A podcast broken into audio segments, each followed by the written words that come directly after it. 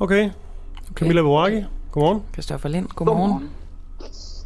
Du er ny vært her på kanalen. Jeg tror, det var vores første kilde, som allerede øh, var igennem også gerne vil sige godmorgen. Det er fint. Det gør vi en kort øjeblik, men uh, du er ny vært her på kanalen, og uh, velkommen til. Tusind tak skal du have. Jeg synes, det er lidt uh, skræmmende at være sådan uh, ny i job, og så er der en masse, der lytter med på ens første dag. Mm.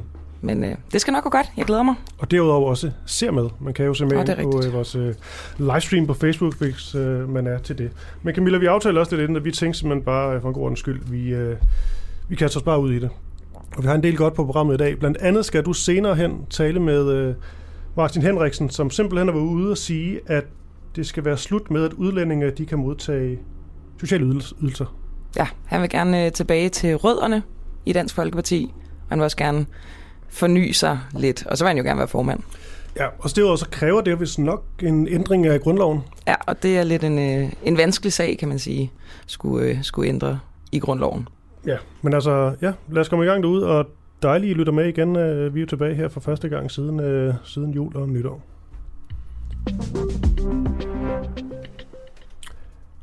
Er den allerede nu ret så øh, famøse coronapille farlig, eller er den gavnlig?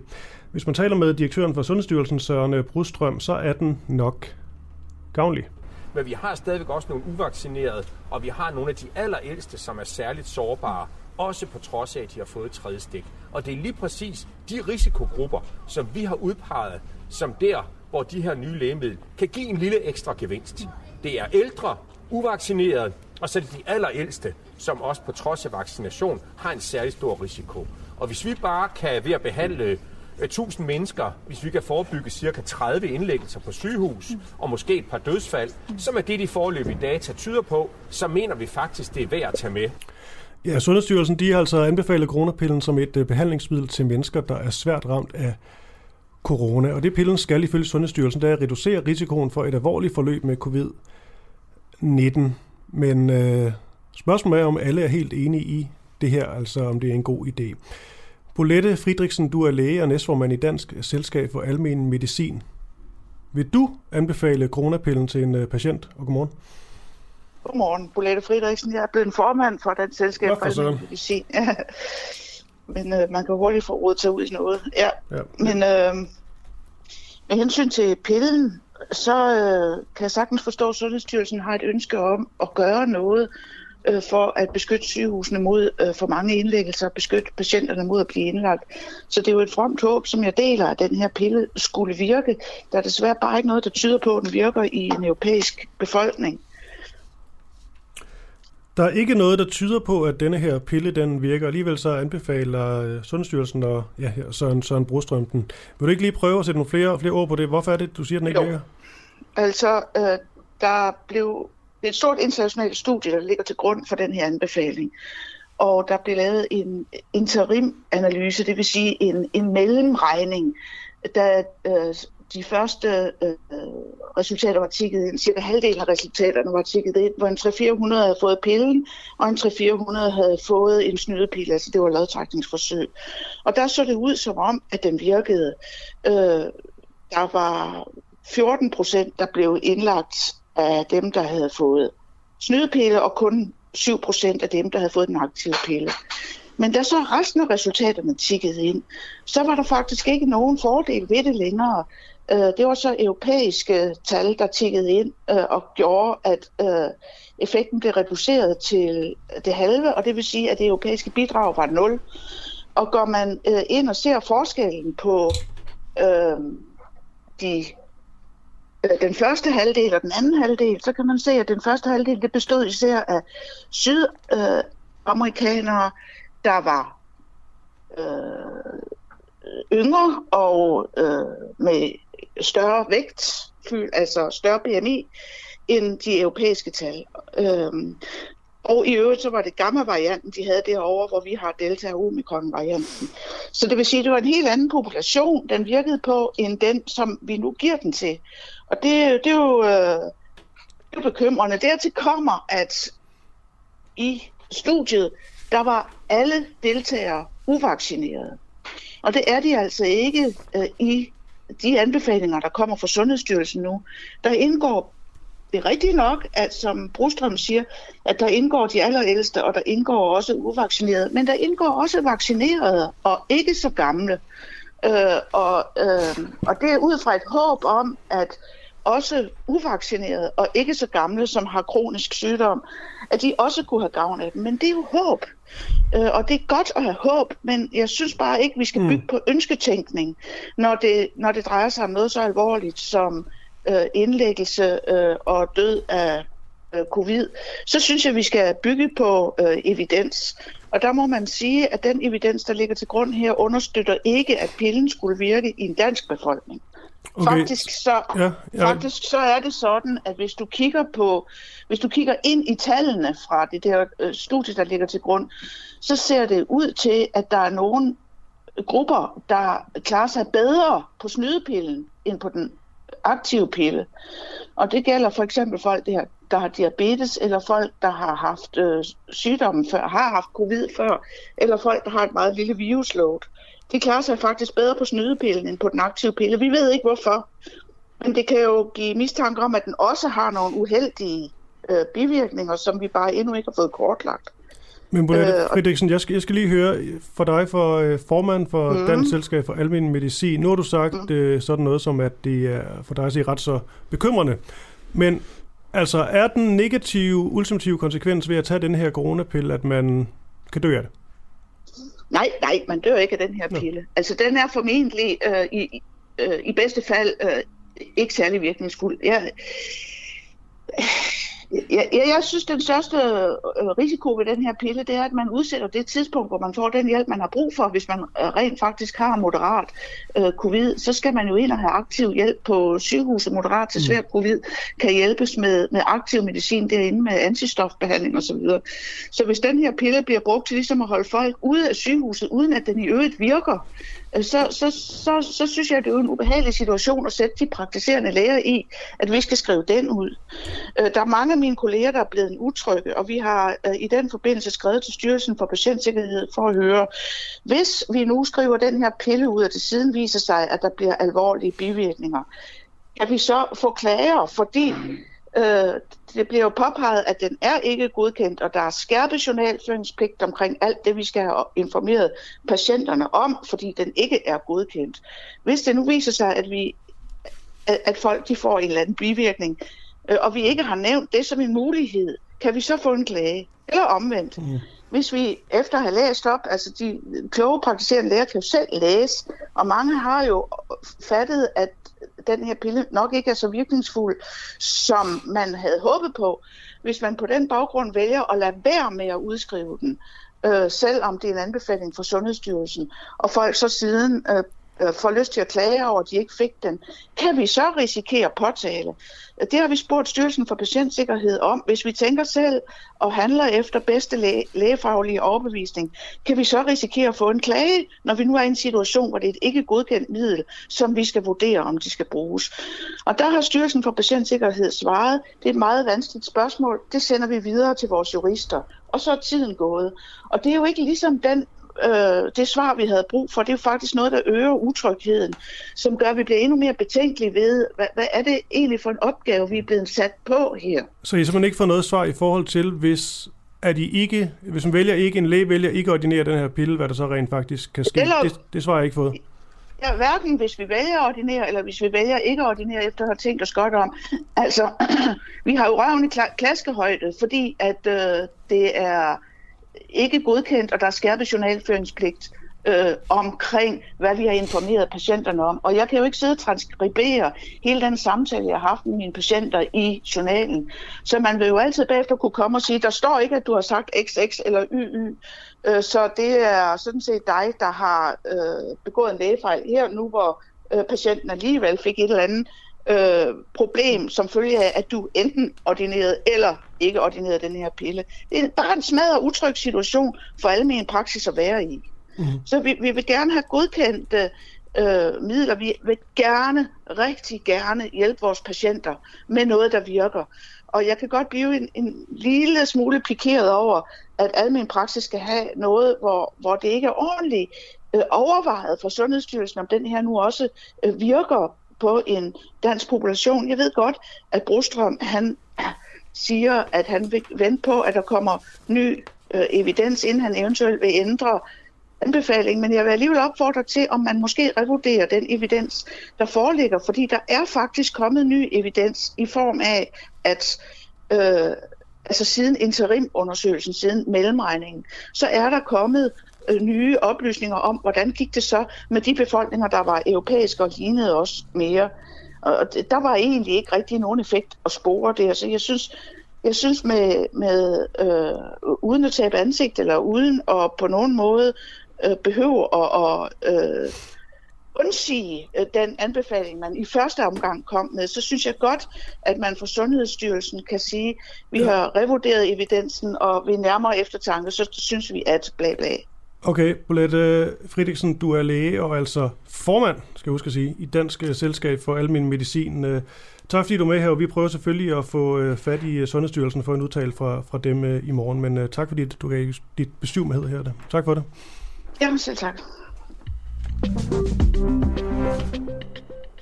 Camilla Boracchi, nytårstale Mette Frederiksen? Nytårstale fra Mette Frederiksen, øh, en politisk tale, hvor hun kom med det, som hun selv kaldte et, øh, et vidtgående forslag. Har du øh, et klip, ja, hvor hun øh, fortæller om det? Yes. Men hånden på hjertet, så har vi endnu ikke den ældrepleje i Danmark, som vores ældre de fortjener. Jeg vil derfor i aften foreslå noget vidtgående.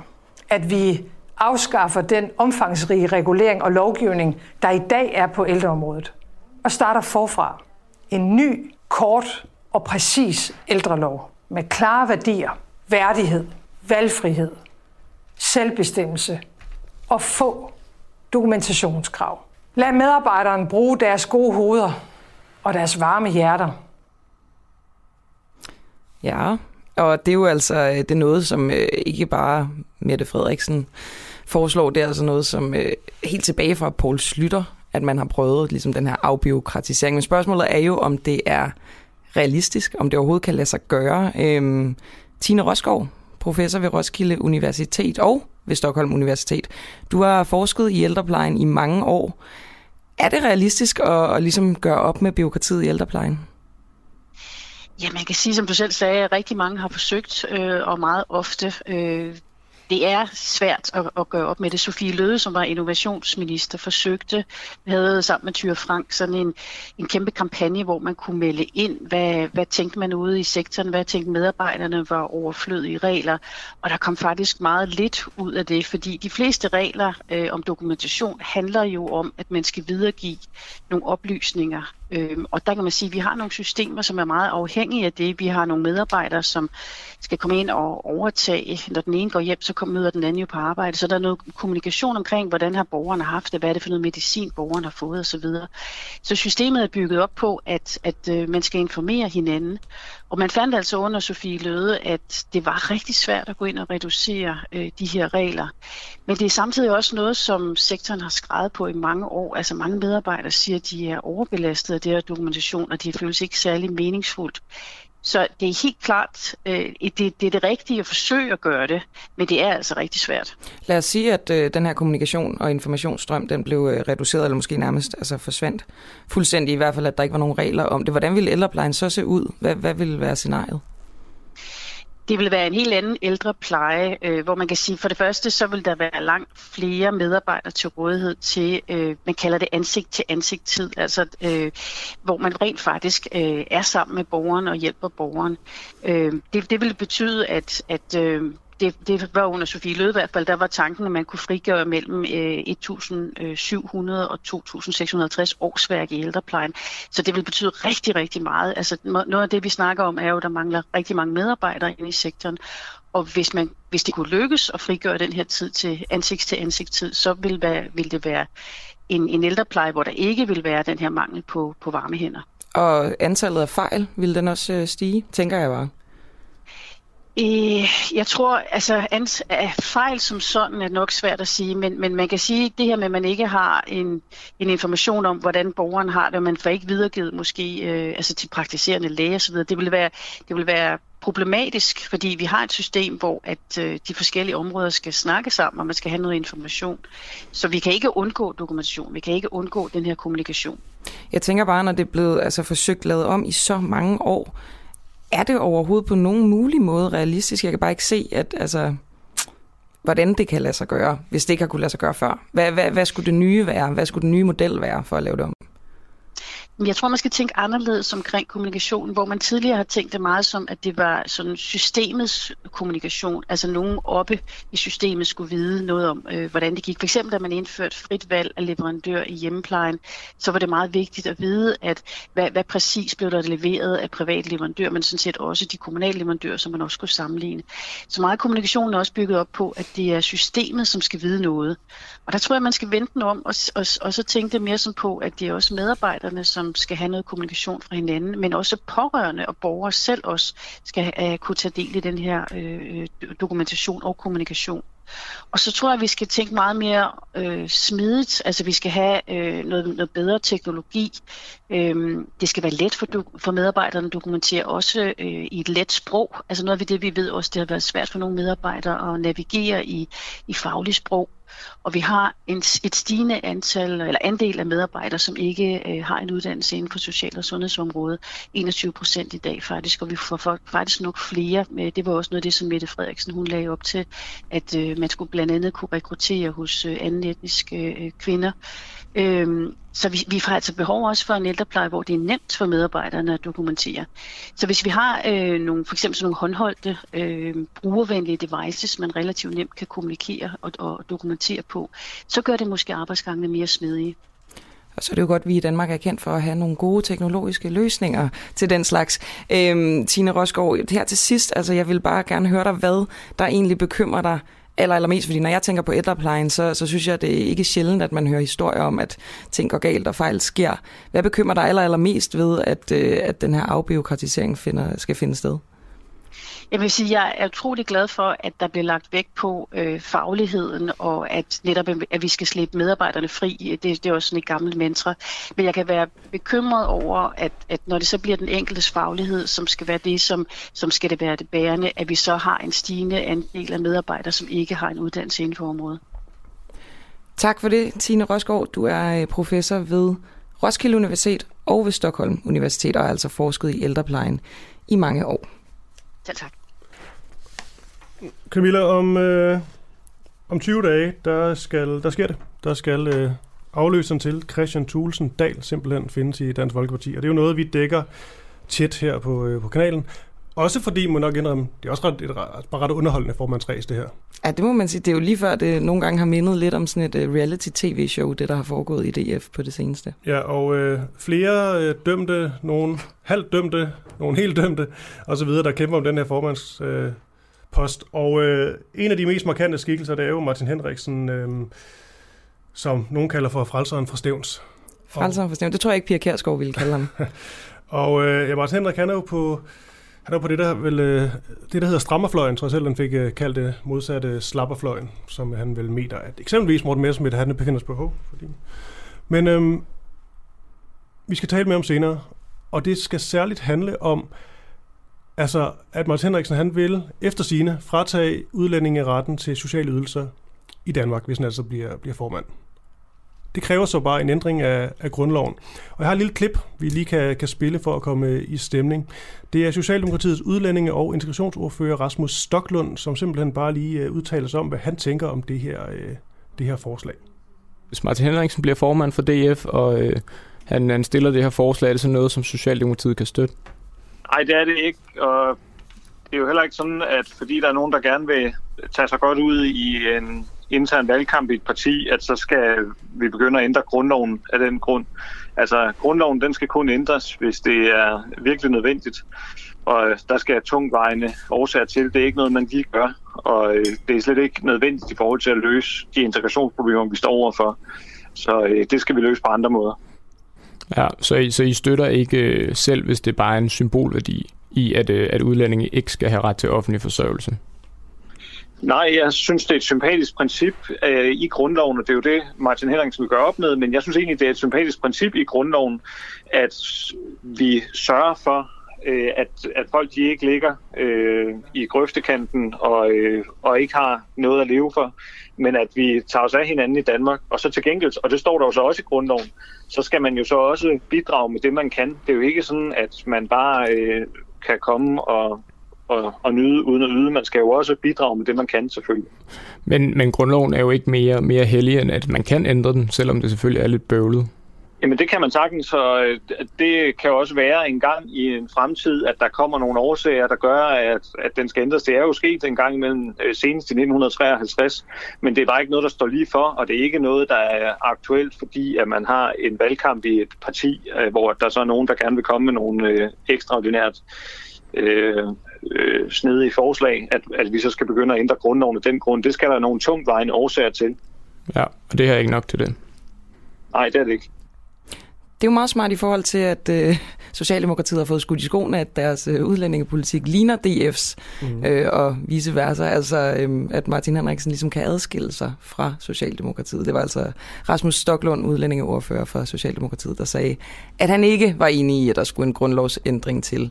Han fik også lige sagt, at det, det kunne man sagtens gøre, mm. hvis det var. Det tror jeg ikke, man sagtens kan. Altså, det, det kræver virkelig en del at ændre i grundloven. Og vi har heldigvis en jurist med senere, som rent faktisk ja. kan måske give et uh, svar på det. Og så kan jeg lige sige, for god ordens skyld, sms ind 1245, skriv du er mellemrum din besked. 1245, du er mellemrum din uh, besked.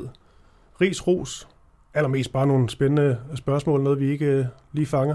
Måske til Martin Henriksen på forhånd. Meget gerne. Vi øh, prøver at tage dem med, vi får dem sendt ind, og så håber vi, vi tager nogle af de gode med i hvert fald. Men øhm, fra det, og så vel øh, direkte til det, som nogen har kaldt for en kommende verdenskrig. Så kunne du også få smækket et kæmpestort brød op, men jeg tror, måske har du ret i hvert fald. Øhm, ej, det handler om, øh, om Ukraine og Rusland og øh, den konflikt, der, der foregår mellem dem. Øh, en masse oprustning fra Ruslands side med, øh, ned ved Ukraines grænse. I går der holdt øh, USA's præsident Joe Biden og Ukraines præsident Volodymyr Zelensky mm. et øh, telefonmøde hvor de ligesom diskuterede den her øh, ret højspændte og betændte situation imellem Ukraine og Rusland. Øhm, Flemming Spids Bol Hansen, du er øh, seniorforsker ved Dansk Institut for Internationale Studier. Altså, nu starter jeg med at tage stafetten videre fra Kristoffer, som øh, erklærer kommende verdenskrig her. Øh, ender konflikten imellem Ukraine og Rusland i krig? Øh, nej, det tror jeg ikke, den gør. Der er jo stadigvæk en, øh, en sandsynlighed for det, øh, men det er ikke det mest sandsynlige. Øh, der er andre udfald, som, øh, som ligger lige øh, sådan mere for, og det er jo blandt andet en politisk løsning, og det er jo det, der på en eller anden måde er lagt op til lige nu. Det er svært, men der er lagt op til en politisk løsning. En politisk løsning, hvad indebærer det? Ja, det er usikkert nu. Russerne på deres side har jo øh, fremsat en øh, liste med en række krav, som de vil have opfyldt dem øh, tror jeg ikke, de får opfyldt, men det er udgangspunktet for nogle af de forhandlinger, som starter allerede om en uge. Øh, først er der, en, øh, er der delegationer fra Rusland og USA, der skal mødes. Øh, så umiddelbart efter skal NATO og Rusland mødes, og så umiddelbart efter det er der faktisk møde i regi af det, der hedder OSCE, Organisationen for Sikkerhed og Samarbejde i Europa. Så der er ligesom sådan en trætrinsraket allerede næste uge, øh, og der kan vi måske så komme lidt tættere på en form for løsning. Jeg, øh, jeg faldt over øh, et citat, som, øh, som Putin ifølge en talsmand havde, havde sagt, øh, hvor han sagde, at de, de sanktioner vil være en enorm fejltagelse, som kan føre til alvorlige, de mest alvorlige konsekvenser. Det tolkede jeg bare som sådan, det lyder som noget, noget krig, altså ikke noget politisk, men noget militaristisk. Er det forkert tolket? Nej, ikke nødvendigvis, men det kan jo også indeholde alt muligt andet. Øh, og Putin har synes jeg, har taget et par skridt væk fra krigen. Øh, og det, det er jo svært for ham at gøre, fordi han jo har talt det op som en form for nødvendighed. Altså Rusland er nødt til at gøre noget. Vi er nødt til at agere. Og hvis ikke vi gør det, så går det helt galt. Og det er jo det, han har, han ligesom har fortalt sine egne vælgere og sine egne borgere. Men samtidig har han også taget et par skridt væk, og det har han blandt andet gjort ved at sige, at det behøver ikke at være et militært svar. Øh, han har sagt, at han vil, han vil lytte til sine militærfaglige rådgivere, og det er jo meget uklart, hvad de vil sige, fordi de er jo selvfølgelig politisk styret, men jeg har svært ved at tro, at det russiske forsvar, altså sådan helt ærligt spurgt, vil sige, at, at de synes, at krig mod Ukraine er en god ting. Mm. Flemming Slytsbol Hansen, vi, øh, vi har et lille klip med Vladimir Putin, hvor han taler om Ukraine i uh, slut december. Jeg er lidt tvivl om det, er det på russisk, men... Um, Jamen, så oversætter du bare, Kristoffer. Vi prøver.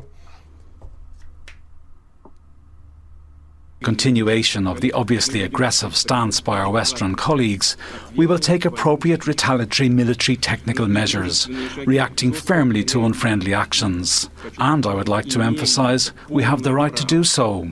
We have every right to act to ensure Russia's security and sovereignty. Spiller han bare med musklerne? Ja, det gør han jo lidt. Han forsøger jo at, øh, at presse Ukraine og presse Vesten til at gøre en eller anden form for indrømmelser. Det er lidt uklart. I hvert fald et stykke tid var det ret uklart, hvad, hvad det egentlig var, han ville. Og nu er der så kommet den her liste med russiske krav. Og det er jo blandt andet, at, at NATO skal officielt erklære, at Ukraine kommer aldrig med i NATO, at NATO skal trække nogle af sine væbnede, øh, sine offensive kapaciteter væk fra, øh, fra nogle af de nye medlemslande, og det er jo blandt andet Estland, Letland og Litauen.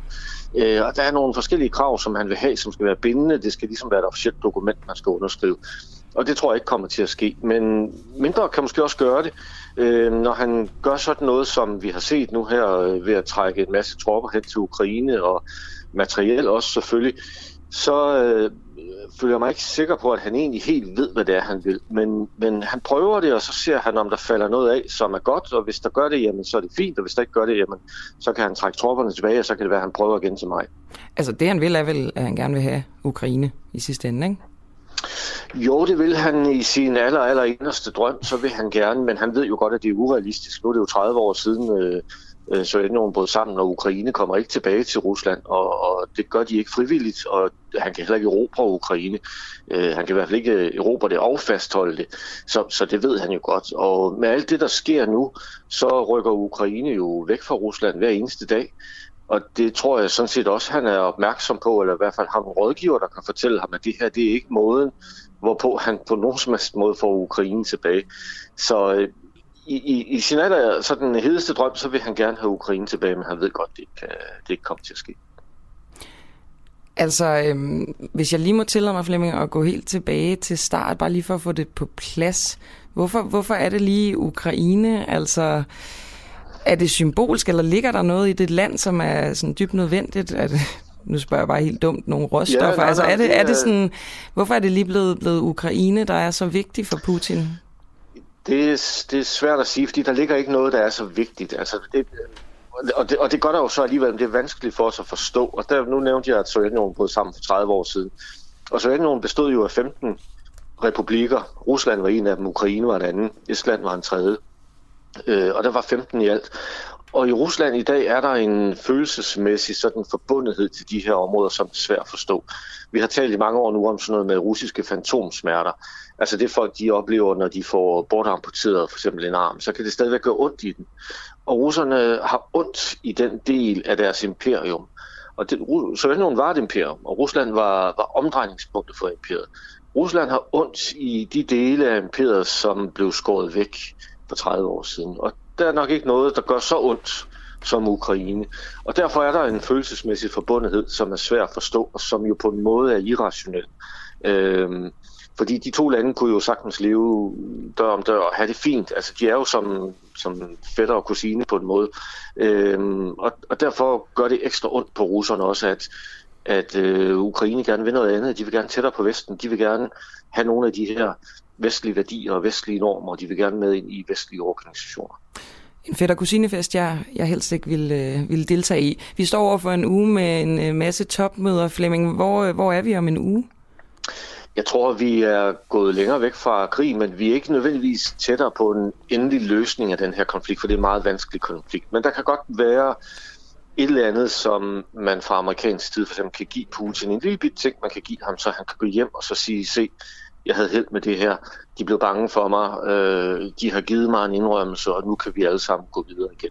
Øh, og jeg vil gætte på, at det er det, man forsøger at finde ud af øh, fra amerikansk side, og måske også sådan lige lodde stemningen i Rusland, som er hvad vil være nok for at gøre Putin tilfreds, fordi han ved godt inderst inde, at han kan ikke få alt det, som han har på sin ønskeseddel. Tak for det. Flemming Ja, tak. Splidsbo Hansen, du er øh, som sagt seniorforsker ved Dansk Insti- Institut for Internationale Studier. Du lytter lige nu til Den Uafhængige. Danmarks måske mest kritiske, nysgerrige og levende radio. Hvis du har en god idé til en historie, så skriv til os på Facebook eller send os en mail. Adressen finder du på hjemmesiden.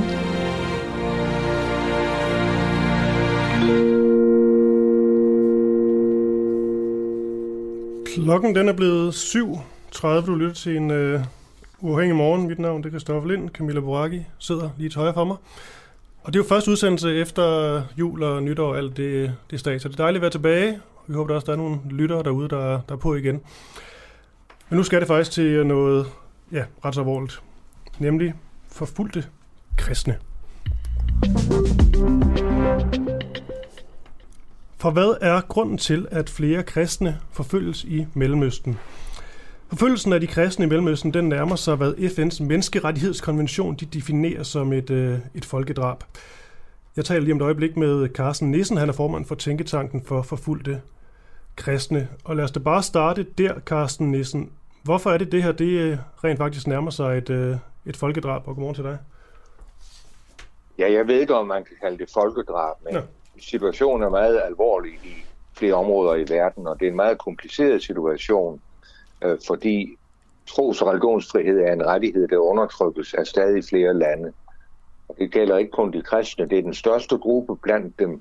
Det gælder også muslimer og andre religioner, som bliver undertrykt som mindretal af stater eller af grupper i civilsamfundet eller af en lovgivning øh, eller en praksis, hvor myndighederne lukker øjnene for overgreb. Mm. FN's menneskerettighedskonvention, de, øh, de nærmer sig det, man kan definere som et, som et folkedrab, men du har ikke rigtig brug eller lyst til at bruge det ord endnu. Hvorfor egentlig ikke? Det skal man jo have en meget klar evidens for, og der er eksempler på, at øh, der er rigtig mange i et bestemt område, der forfølges. Men øh, øh, folkedrab, synes jeg, er at steppe op og overdramatisere en alvorlig situation. Øh, det er jo sådan, at øh, FN's øh, artikel 18 om konventionen om borgerlige og politiske rettigheder giver enhver ret til at tænke frit og til samvittigheds- og religionsfrihed, og man kan bekende den tro, som man ønsker efter eget valg, Øh, og man må give udtryk for den offentligt eller privat, og man må udføre rituelle handlinger og overholde religiøse sædvaner og undervise i sin religion. Men lige netop de der rettigheder bliver undertrykt også af nogle af de 173 lande, som har tilsluttet sig den konvention. Mm. Men bare lige så jeg er helt med. Der er kristne personer, der bliver forfulgt i øh, Mellemøsten, og også nogen, der bliver slået ihjel. Hvem er ja. Det, der slår dem ihjel? Ja, det er øh, ofte er det ekstreme grupper, som Boko Haram i, i Mm. Afrika, eller Al-Qaida, eller Taliban. Øh, grupper, som er en del af samfundene, men ikke direkte regeringen. Nu er Taliban så regering i Afghanistan, og det har bestemt ikke gjort situationen lettere for de kristne. De sidder bag lukkede døre og tør ikke gå ud.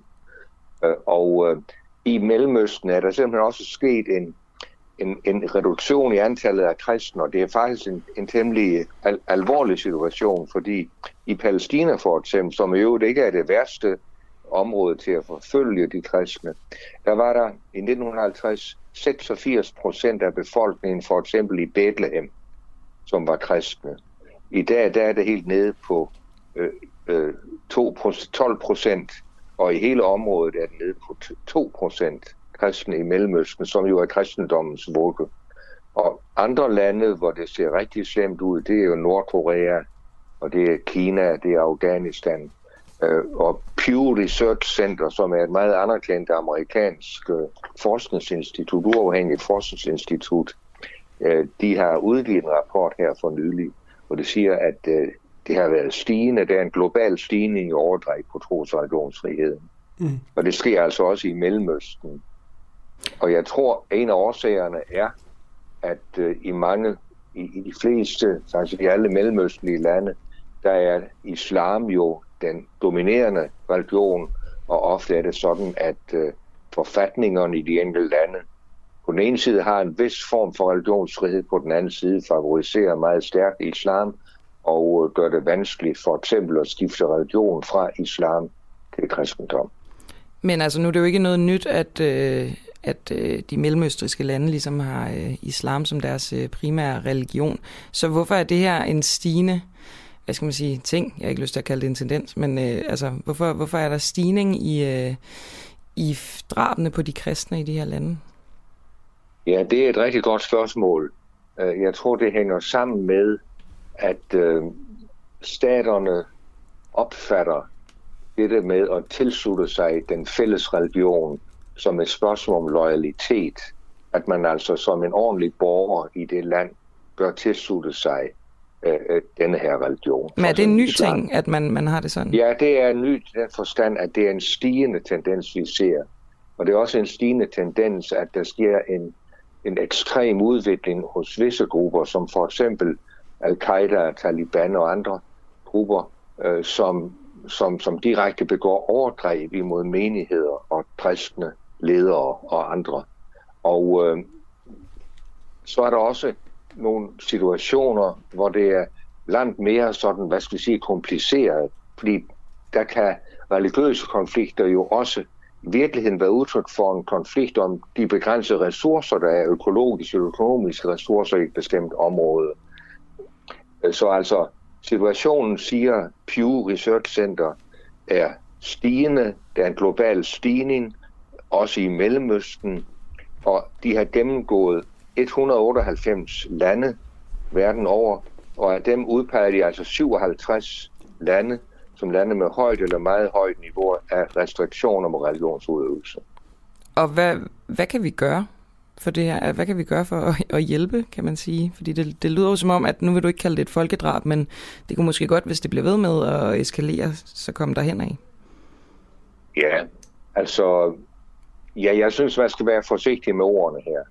Øh, altså, det har jeg sagt, det med folkedrab. Nej, det man kan gøre, det er jo for det første, og det vi har, det vi har gjort meget, vi har forsøgt at præsentere evidensbaseret, dokumenteret viden om det her spørgsmål. Fordi en meningsundersøgelse, vi foretog for et par år siden, viste, at der faktisk blandt den danske befolkning, på den ene side er en stor forståelse for det her spørgsmål, på den anden side også en, en, en stor grad af uvidenhed om de faktiske forhold. Så vi vil gerne øh, orientere øh, evidensbaseret viden omkring det her spørgsmål. Og så er, har vi også været i kontakt med ordførerne i de forskellige politiske partier i forbindelse med udviklingen af den udviklingspolitiske strategi, der kom her øh, i midt i, sidst, i, i sommers. Mm. Og øh, også talt med de, de to ministre, der har været i den periode. Og det er meget glædeligt, at øh, den nye udviklingspolitiske strategi faktisk nævner det her som et meget vigtigt område, at Danmark i sin bistand, i sit samarbejde med de lande, man yder bistand til, også skal være opmærksom på religiøse mindretal herunder kristne, og at religiøse kræfter i civilsamfundet kan hjælpe med til at, fremme en bæredygtig udvikling. Så det er første gang, det er kommet med i Danmarks officielle udviklingspolitiske strategi. Det er vi meget tilfredse med. Men kan, mangler så at blive sat handle ja, bag ordene. Men Carsten Nielsen, når man ligesom tager sådan en definition af et, øh, et folkedrab, som FN de har, har begået, så er det handlinger, der begås den hensigt helt eller delvist at ødelægge national, etnologisk, racemæssig eller religiøs, religiøs gruppe. Og her der lyder det jo til, at man ligesom går meget konkret og konsekvent mod de kristne, vel også grundet religion går ud fra. Jeg forstår simpelthen ikke, hvorfor det her ikke kaldes for et, øh, et folkedrab, eller i hvert fald et begyndende folkedrab. Er det simpelthen bare på grund af, sådan groft sagt, øh, antallet, altså der ikke er nok, der er blevet slået ihjel for at være helt øh, kynisk? Ja, det er jo en meget vanskelig diskussion, hvor mange skal der til for, at øh, der er tale om folkedrab.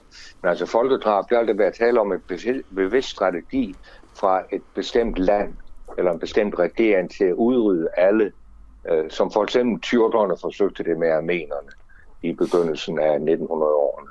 Og øh, der er der sådan, at vi finder en en modstand imod de kristne, vi finder restriktioner over for de kristne, vi finder, at der direkte også er dødsdomme over for, øh, ud fra blasfemilove øh, i visse lande. Men jeg mener ikke, at, øh, at, at man kan bruge begrebet folkedrab om, om den situation, som de kristne står i mange steder. Jeg vil kalde det, at vi har nogle forfulgte mindretal, som det er vores opgave at støtte så godt vi kan, og gøre opmærksom på, hvilken situation de er i over for resten af verden. Men det virker bare, synes jeg, lidt skørt, at øh, du er så formand for Tænketanken for fulde kristne, og øh, det er jo en, øh, en nobel sag. Men for mig virker det lidt skørt, at sådan noget som Boko, Boko Haram, de går efter kristne i Mellemøsten, og der er ikke nogen, der sætter ind. Altså... Boko Haram er ikke en regering. Boko Haram er en, en, en, en ekstrem islamistisk bevægelse. Hvis der skal være tale om folkedrab, skal det være en regering, der står bag, følge FN's øh, definition. Ligesom Taliban. Jo, for eksempel. Og der kunne det blive aktuelt, hvis, det, hvis vi har dokumentation for, at det foregår i det omfang. Så kunne det være, øh, så kunne det være aktuelt at tale om folkedrab der. Men det er det efter min vurdering ikke nu.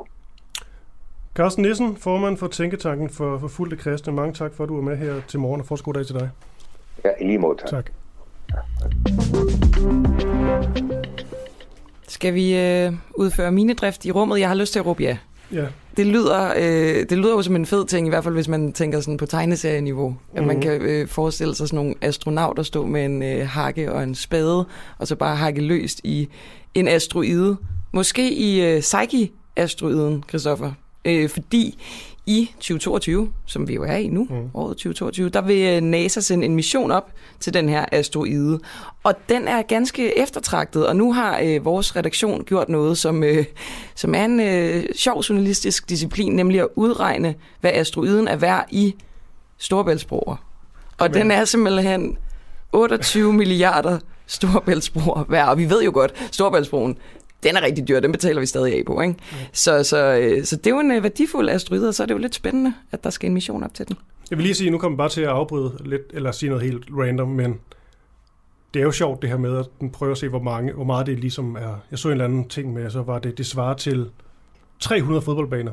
Og når jeg hører det, så får jeg ikke sådan bedre Nej, idé om det. Det er bare så mange af tre. Så, nå.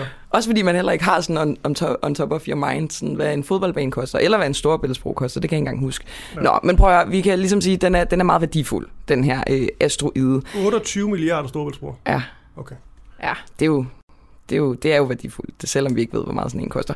Prøv at, øh, det er jo det, der er spændende, altså om man på en eller anden måde kan få den værdi fra rummet ned på jorden, måske ved at udføre minedrift, og det kan jeg jo meget passende spørge dig om. John Leif Jørgensen, du er øh, professor ved DTU Space. Kommer vi til at øh, udføre minedrift ude i rummet? Mm, ja, på et tidspunkt gør vi. Øh, øh, der er ingen tvivl om, at de ressourcer, som øh, vi efterspørger her på jorden, og som er meget begrænsede, øh, eller umuligt at få fat på, fordi det ligger for langt inde i jorden. Den slags ting kan vi hente nemmere og billigere ude i rummet, og hvis det kan betale sig økonomisk, så er der, er der ingen tvivl om, at det bliver gjort på et tidspunkt. Og hvad skal der så, til, for at det kan betale sig økonomisk? Åh, oh, jamen det er jo et spørgsmål om, altså øh, du ved for eksempel, at vi bruger sjældne jordarter i øjeblikket øh, her på øh, jorden til elektronik, til mobiltelefoner og den slags ting. Og de hedder sjældne jordarter, fordi der ikke er ret mange af dem, men øh, sådan nogle, dem kan man hente ud i rummet, hvor de er, og der er de nemt tilgængelige. Her på jorden de, ligger de inde i midten af jorden, der kan vi ikke komme ind, fordi der er tæt varmt.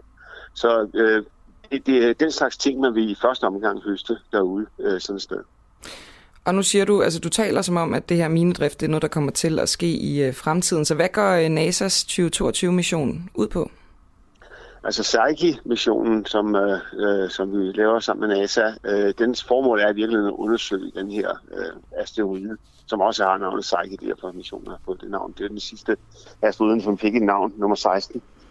Øh, den, øh, selve missionen går ud til den, fordi det er den, det er den tungeste asteroide, vi har kunne finde. Øh, vi måler på asteroiderne her fra jorden af, for eksempel med radar-ekorne, øh, som vi får derfra, kan vi se, at den her den er lavet af jern nikkel altså, som hovedkomponenter, og den er meget, meget tungere øh, end de andre asteroider, dem som den flyver rundt blandt. Det kan vi se på, at når en anden asteroide kommer tættere på den, så flår Psyche i den, og hvad er det, mens den anden asteroide ikke rigtig er i stand til at flytte Psyche, fordi den er så meget tungere.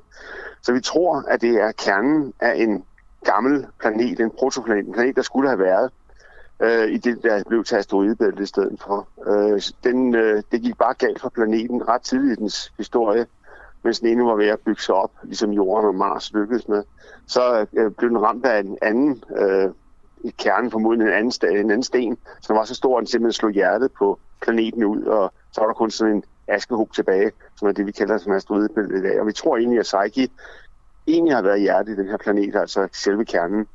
Og det vil vi godt undersøge selvfølgelig. Så det vil sige, at det vi skal lave med, med øh, Psyche-missionen, som øh, hvad hedder, I skal afsted her, øh, for at mødes med asteroiden, det kan man gøre en gang imellem, når Mars liner op, så vi kan bruge Mars som slyngkraft for at komme derud. I det tilfælde her, øh, hvad det, når vi kommer derud, så er det simpelthen for at undersøge, hvad er det for en størrelse? Og så øh, forsvandt han, og så får jeg så ikke mulighed for at stille et øh, præciserende spørgsmål. Vil man bare gerne forske i den her asteroide, eller har man ligesom altså penge for øje her? Er det for at finde ud af, om den er så mange store bæltsbroer værd, så man kan ja. komme til at berige sig selv hernede på jorden? Og vi håber, han, øh, han kommer på igen. Jeg kan sige, at der er en, øh, en lytter, Jane, tror hun hedder, der, der har skrevet ind, at vi stadig har julehjerter op at hænge, hvis man sidder og ser med. Nå, okay, men dem kan jeg pille ned lige om lidt så. Eller Jamen, jeg har også stadigvæk nogle spørgsmål, føler jeg, til uh, John Leif Jørgensen. Selvfølgelig, hvad DTU Space selv kan bidrage med. Danskervinklen. Selvfølgelig. Men derudover også, vi kan også prøve at høre, om man er med. Er du med igen, John? Ja, ja. Fantastisk. Oh, fantastisk. Du, fandt, du faldt lige af. Det er også fuldstændig lige meget. Har du et spørgsmål, eller skulle jeg stille lidt? Prøv at komme, Christoffer. Det er bare i forhold til, uh, John Leif Jørgensen, du har jo været inde på noget af det, men jeg har stadig lidt brug for, tror jeg, at gøre, få gjort det lidt mere konkret op i mit hoved. Altså, vi læser om minedrift i rummet og en asteroide og så videre. Kan du ikke være sådan lidt mere konkret i, hvad, hvad det er, det går ud på, hvordan det, det foregår? Altså, øh, som sagt, så det vi skal med Psyche-missionen her i år, det er, at vi skal op og undersøge, hvad, hvordan her, den her asteroide er konstrueret selv, så vi øh, ved, hvad, hvordan den, den er bygget op, og hvilken natur den har. Så det er en rent videnskabelig mission. Det er ikke meningen, at vi skal lave minedrift med den her mission. Og det er med på, men, skal... men, men når vi taler minedrift, hvad, ja. hvad, hvad er det så, man, man taler om? så taler man faktisk om, at man gør nøjagtigt det samme, som du gør her på jorden. Altså rigtig mange af de steder, hvor vi har miner nu, øh, det har vi ikke så mange af i Danmark jo, mm. men øh, det, det en mine består af jo realiteten, at man går ud og, hvad det, og, og separerer de forskellige ting, man er interesseret i mod natur. Det kunne for eksempel være sjældne jordarter, det kunne være metaller, eller det kunne være øh, eller, andre øh, kemiske sammensætninger. Og så høster man dem øh, ved at og, og, og, og, og simpelthen få det gravet op, og så få det separeret, øh, trukket væk fra de andre ting, som vi ikke er interesseret i. Og så øh, hvad det, vil man øh, så flyve det tilbage til jorden her. Og øh, den måde, som minedrift formodentlig først kommer til at foregå på, bliver faktisk nok på månen, hvor vi i første omgang vil vil lede efter øh, hvad de ting, som vi gerne vil have fra månen af. Men teknologien i en minedrift, det er simpelthen, at man sender simpelthen en robot det er, det er ikke meningen, at der skal være mennesker med. Den robot, den skal så få lov til at grave fuldstændig ligesom man gør, på, på, når, man, når man miner her på jorden. Der er simpelthen ikke så stor en forskel i det. Altså, der må da være den forskel, at, at når man hakker tingene løs, så flyver de vel rundt. Altså nu, det kan godt være, at jeg spørger dumt, men sådan i praksis, så hakker du i den der asteroide, og så flyver det rundt. Hvordan indfanger man det? Det er rigtigt. Altså, øh, øh, sådan en asteroide har en meget, meget svag tyngdefelt. Den er selvfølgelig nok til at holde sig selv sammen, og du kan også godt, du kunne godt stå på overfladen af den, men du skulle ikke sætte særlig hårdt af, før du flyver ud i rummet. Så øh, det er helt rigtigt, at hvis man hakker i ting, så, så vil, vil ting, hvad de så øh, flyve rundt. Så det er helt klart, at det er de separationsmekanismer, man skal bruge, de ville skulle foregå i, øh, uh, inde, inde i et lukket rum, for ellers så ville øh, man sende stenestumper andre steder hen, det er klart. Så, men det gør man sådan set allerede nu jo, altså i, i miner her på jorden. Det er, det er ikke så meget forskelligt fra, når du ser på en guldmine, hvordan den ser ud i Sydafrika i dag. Du kan godt høre, at jeg gerne vil køre det op til at være noget, noget helt fantastisk. John Leif Jørgensen, til aller, aller sidst, Christoffer han var lige inde på det, altså skal vi sætte et stort dansk flag i denne her øh, Psyche-asteroide? Hvad er DTU's rolle i den her altså, mission? Altså, Øh, Danmark har siden øh, hos Ørsted øh, været verdens bedste inden for det, vi kalder magnetometri, altså måling af magnetfelter her i verden. Og det vi bidrager med fra Danmark er også et øh, magnetometer, som i virkeligheden er den eneste måde, man kan kigge ind i sådan en, øh, en, en stenklump. Du skal tænke på, den er jo et par hundrede kilometer tværs over.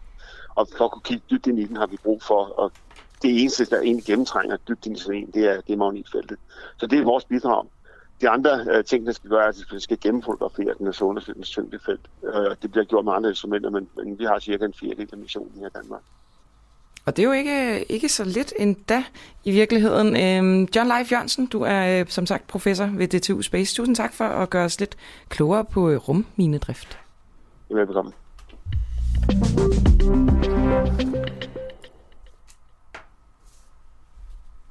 Hvem bliver Dansk Folkeparti frelser? Jeg tror jo stadig, at det bliver Jim Lyngvild. Mm. Nej, det var måske et dårligt bud. Meget dumt svar. Ja, undskyld. Undskyld, undskyld. Der er godt, det er godt, at vi har nogen, der ligesom kan, kan svare lidt mere seriøst, end jeg kan. Ja, det er Esben Schøring, som vi taler med lige om et, øh, et kort øjeblik, men øhm, sagen kort, så er der 20 dage til, at Dansk Folkeparti de skal vælge en afløser for Christian Thulsen Dahl, som jo stopper som øh, formand for partiet. Og for lige at liste dem op, så er de fire officielle kandidater. Fordi Inger Støjberg ligger stadigvæk et eller andet sted vel og bobler. Og bobler.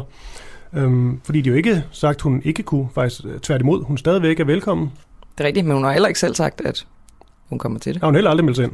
Nej. Så det, det er en anden snak. Men de fire officielle kandidater til at blive formand for Dansk Folkeparti, det er altså Morten Messerschmidt, så er det Martin Henriksen, så er det Merete Dea Larsen og Erik Hø Sørensen. Og øhm, vi skal jo tale med øh, en af de her kandidater senere, Martin, øh, Martin øh, Henriksen. Men øh, for ligesom at lave en, øh, det er jo en god gammeldags politisk analyse det her, så taler vi nu med Esben øh, Schøring, som er politisk redaktør på Altinget. Og øh, lad os bare starte med sådan en, øh, en betting, betting ting. Altså, hvis du nu skulle sætte din, øh, din hårdt tjente penge på, hvem der bliver Dansk Folkeparti's næste formand, hvem, øh, hvem vil du så sætte pengene på? Og godmorgen. Uh, det er svært. Ja. Uh, vi har jo heller ikke det fulde uh, formandsfelt endnu. Altså, det ved vi ikke, om vi har.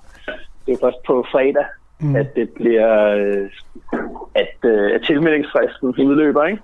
Uh, og det helt store spørgsmål, alle går og venter på nu, det er jo, om Inger Støjberg stiller op eller ej. Men er det, formand. men undskyld Esben, jeg vil bare lige høre, er det virkelig et stort spørgsmål? Jeg tror lidt, jeg havde en personlig idé om, at øh, den del, den er bare, øh, altså, den er lagt ned nu. Men er det en reel mulighed, tror du? Altså, jeg synes, en del af pointen er, at vi ikke ved det. Vi ved det ikke, og vi har ikke vidst det, og jeg synes hele situationen omkring det her formandsvalg, altså fra start af, at der egentlig ikke var nogen fastlagt mekanisme for, hvordan man skulle vælge. Det er jo første gang, DF-medlemmerne skal vælge en formand. Så da Christian Thulsen Dahl gik af efter kommunalvalget, der var der faktisk ikke nogen procedurer, der lå fast i partiet for, hvordan er det egentlig, vi vælger det. Det skulle man først til at finde ud af, efter Christian Thulesen Dahl havde sagt, at nu ville han, nu ville han ikke mere. Og så har vi jo så ligesom haft et felt, eller har et felt, øh, af formandskandidater. Øh, Morten Messerschmidt har sine retlige øh, problemer. Hans kompagnon øh, Peter Kofod er slet ikke medlem af Folketinget. Martin Henriksen, som er formand, er heller ikke medlem af Folketinget. Han har ovenkøbet fyret af partiet for, for illoyalitet. Øh, han var, havde en konsulentstilling der, ikke? Merete Dea, øh, den måske mest ukendte af kandidaterne, Mm. er heller ikke medlem af, af Folketinget. Så der har jo været, det her det er jo foregået øh, i tåge og mørke, og øh, sådan lidt famlende frem og tilbage. Og derfor synes jeg også, at det er, at det er svært at sige, at, altså det er klart, de fleste vil jo sige nu, at det må være Morten Messerschmidt, der ligesom er, er, er, er fremmespand lige mænd og den, og, den, og den største favorit, og ham man skal, skal Mm. sætte pengene på, som du siger. Men pointen her er, at vi ved det ikke rigtigt, og baglandet har jo overrasket før i det for nylig, øh, netop med hensyn til Martin Henriksen, som stillede op til hovedbestyrelsen, hvor partiledelsen i meget, meget kraftige vendinger havde signaleret, øh, i hvert fald dele af den, Pia Kjærsgaard var Mm. en af dem, Morten Messersmith øh, var en anden, at Martin Henriksen, han skulle ikke være med i, øh, i, øh, i hovedbestyrelsen, og han tog alligevel en, en tredjedel af, af, af baglandets øh, stemmer, da der skulle stemmes. Så vi ved det ikke. Vi Og- ved nej. det simpelthen ikke. Og Jesper Schøring, øh, jeg kommer til på et eller andet tidspunkt at vride et svar ud af dig, øh, og så tager vi bare alle kandidater i spil. Og jeg tror egentlig lige, at jeg giver mit eget bud, så, så er der øh, helt klare linjer. Okay. Ja. Altså, det, altså, jeg tror, hvis man sådan satte odds, så ville øh, favoritten være Morten Messersmith, og ham, der gav færrest penge tilbage, hvis du spillede. Ja. Jeg tror, Martin Ja. Henriksen bliver formand. Ja. Simpelthen. Jeg, Jamen, tror, ja. jeg tror, det der bagland, det er så... Øh, altså, de har brug for, at der sker noget nyt, og om det så er, at det Mhm. mm-hmm. bliver måske endnu strammere, måske er strammere, end de har lyst til udlændingepolitikken, så tror de måske, det, det, Mhm. det er den rette vej. Morten Messmith er oplagt. Mit friske bud, det er altså Martin, Martin Henriksen. Ja. Jamen, det kigger over på min kollega Camilla Boraki, hun virker ikke helt så... Øh... Jamen, jeg tænker bare, de har jo også, altså, de må sgu da være skræmt af alt det bøvl og baks, der har været. Måske skal de bare have Altså måske vil de bare gerne have en, der er sådan lidt, øh, lidt renskuret på en eller anden måde, altså sådan med Rete D. Larsen type. Kunne det ikke være tiltalende for jamen, dem? Det, jamen, det, jamen det, det, jeg tror, det er mere det er også derfor, jeg gerne vil, vil sige, du ved, sammen min forbehold her. Og vi er nødt til at kende ligesom, det samlede antal formandskandidater, fordi så begynder jeg, tror jeg, hvem det er. Fordi så begynder vi også at få en idé om, og det vil vi få meget hurtigt, når valgkampen så går i gang, der skal stemmes den 23. januar. Så få en idé om, hvad er det for en dynamik i valgkampen som, øh, som, som, øh, som vi vil få.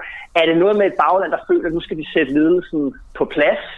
Og hvad betyder det så for, hvem de vil stemme ind som formand? Det kunne jo for eksempel være med Rete D, at man sagde. Men altså, vi har brug for øh, en, der kommer fra baglandet, en, der ikke er, er, plettet af magtkampe og fløjekrige mm. og så videre. Og så sender vi lidt ligesom man så i, i SF, da krisen bankede på i, i SF der i kølvandet på, at man trådte ud af SF, øh, SRSF-regeringen øh, for, for snart otte år siden. Øh, øh, seks år siden, syv år siden. Øh, hvad det hedder... Øh, der valgte man jo Annette Wilhelmsen. Totalt ukendt. Og det gik godt. Øh, Ja, nej, det, ja, det gjorde det så ikke jo. Men der var den der modreaktion, og der var det jo Astrid mm. Krav, der så at sige, ligesom havde ja. den rolle, som Morten Messerschmidt jo har meget aktivt indtaget, nemlig den oplagte favorit øh, ham, der egentlig allerede nærmest er valgt. Han opfører sig allerede på, på Facebook, som om han allerede er formand med Facebook, øh, de her Facebook-opslag med selfies, og, og sådan blander sig og forholder sig til Mette Frederiksens er jo præcis som en partiformand mm. øh, ellers vil gøre. Og hans, han, den måde, han har drevet valgkampen, han var den første, der meldte sig. Det var jo som ved at sige på en måde, at valgkampen var egentlig allerede overstået, da han har fået en masse stiller, og Nigel Farage har blåstemplet ham, mm. og han prøver ligesom at sige, at det her det er et fedt accompli, øh, og, øh, og der kan det være, at baglandet har netop har den der måde at sige, nej, nej, vi vil have en udfældet, det kan være Mariette PS, hun kan være den store overraskelse, eller de kan vælge, sådan som der blev sagt før, det der med at sige, men, men vi skal tilbage i den der rolle som den kontroversielle øh, figur i dansk politik. Vi skal tage den, øh, den, kontro, den, den kontroversielle fakkel ud af hænderne på, på Pernille Vermund og sige det, man ikke må sige, gøre det, man ikke må gøre, skabe forarvelse øh, øh, i, i, øh, rundt omkring os. Ikke? Men, Jamen, så bliver det, så bliver det Martin Henriksen, ikke? Men Esben, jeg tænker, du må have en eller anden fornemmelse af, hvordan det her, hvad det her bagland er sultne på. Altså, du er politisk jamen, redaktør på alting. Hvad siger vandrørene? Ja, jamen, der er jo ikke... Altså, hvordan skulle vi vide det? Vi, ved, vi har jo ikke nogen meningsmålinger øh, på det. Øh, Rygterne? Det her, det er en rigtig... Øh, ja, jamen, hvad, jamen, der, jamen, jeg, jeg tror, at de rygter, man hører, kommer jo altid et sted fra. Ja. Og de, det er jo aldrig sådan så, at man i Morten Messersmiths lejr siger, puh, ja, du, øh, hvad det hedder, vi har lidt fornemmelsen af, at det nok ikke går. Der hører man jo det modsatte. Klar. Altså, du ved, at sådan foregår det. Jeg tror, man er nødt til at sige, at det her, det er jo, på den måde er det jo rigtigt demokrati. Vi ved ikke, hvad, hvad det er, der kommer til øh, at ske, og der er en, en, synes jeg, en større usikkerhed behæftet på det den her gang, end, jeg, end man ellers ville sige. Netop fordi vi har at gøre med et parti i, øh, i dundrende krise, ikke? Øh, og jeg synes, at krisen giver sig udtryk i, altså det er så bemærkelsesværdigt det her med, det er første gang, man stemmer, man har ikke anet, hvordan man skulle øh, stemme, hvad, hvad, hvad var proceduren her, og, og et kandidatfelt, der på kryds og tværs, egentlig alle sammen, ligesom på en eller anden måde, har, øh, har en eller anden klods om benet, øh, af den ene eller den anden grund, og at Inger Støjberg øh, i hvert fald indtil for, for nylig, var, så, var en stor favorit til Hun kunne bare komme ind fra højre og tage formandsposten. Hun har aldrig været medlem af partiet. Hun er ikke medlem af, af folketingsgruppen, og, og nu har hun så en rigsretsdom, og hun vil formentlig stadig bare kunne komme ind. Altså, så vidt jeg er orienteret, så gælder Morten Messersmiths regel om, at han vil træde til side, hvis hun stiller op. Øh, Men den, han, den ja, ser ja. du egentlig ikke, jeg talte øh, på tidspunkt med, øh, ja, det er jo lige før jul med, med Pia Kærsgaard. Hun lød faktisk lidt bekymret om, hvorvidt de havde sådan hypet Inger Støjberg for meget, fordi det jo også kan altså falde tilbage i hovedet på dem nu, hvor hun så nok ikke bliver, bliver den der formand, på hun, hun blev dømt. Altså fordi, mm. er der ikke også en frygt for, at hvem end der så bliver formand, at vedkommende hele tiden vil være sådan lidt i den dårlige udgave af Inger Støjberg, eller dybest set bliver valgt, fordi Inger Støjberg ikke uh, kunne stille op? jo, det, det kan måske være rent, og jeg tror egentlig mere, det store problem er mere, at at det er i hvert fald det afgørende for den, der, der bliver Dansk Folkeparti's formand, at fortælle medlemmerne øh, og fortælle, som for knæsat for partiet, hvad er succes egentlig? Hmm. Altså, hvad er, hvad er egentlig det mål, vi skal til? Er det, er det 10 procent af stemmerne? Er det 15? Er det de 21,1 procent fra Folketingsvalget i 2015? Hvad er, hvad er egentlig den naturlige, den naturlige størrelse? Som vil sige, okay, hvad, hvad er det så, vi skal bevæge os hen? Hvad skal jeg måles på? Og der kan du selvfølgelig sige, at, at, øh, at det her drømmen om, om Inger måske netop kan være sådan en drøm, der er helt uopnåelig. Det tror jeg nu, at man vil, vil glemme hurtigt. Det gælder om at få, få et, et, et relativt klart succeskriterium frem. Øh, og det gælder om at vise en eller anden form for fremgang i, øh, i meningsmålingerne relativt mm. hurtigt. Øh, det, det tror jeg det. Og så få skabt den her stemning af, øh, at, at at vi har været ude i en storm, og det hele har knaget og braget, og nu er vi nødt til at stå sammen, uanset, øh, uanset hvad, øh, hvis vi skal overleve. Ikke? Det, det, ja. det, det vil være de første ting for en, for en kommende formand. Ja. Vi, skal, vi skal til at øh, runde af. Så lægge på Camilla, mm-hmm. hun har et sidste spørgsmål, men, øh, men jeg vil også lige høre dig, Esben Schøring, her på faldrebet. Kommer du til lige at, at give et bud? Øh? Det var det, jeg ville spørge Esben Nå, om. Jeg ja. synes, vi skal da. Altså, du har givet et bud, Christoffer, jeg har givet et bud. Så må Esben også give et bud. Fordi vi skal jo have et vedmål op, op, op, op at stå, tænker jeg. Er jeg med i uh, vedmål? Ja, det er du da. Jeg har 10 kroner på Nå, okay. Hvad har, vi, uh, hvad har vi på spil? Det skal jeg jo lige vide, inden jeg... Inden ja, men øh, 10 kroner smider Kristoffer i puljen. Jeg smider en, en god gammeldags øl i puljen.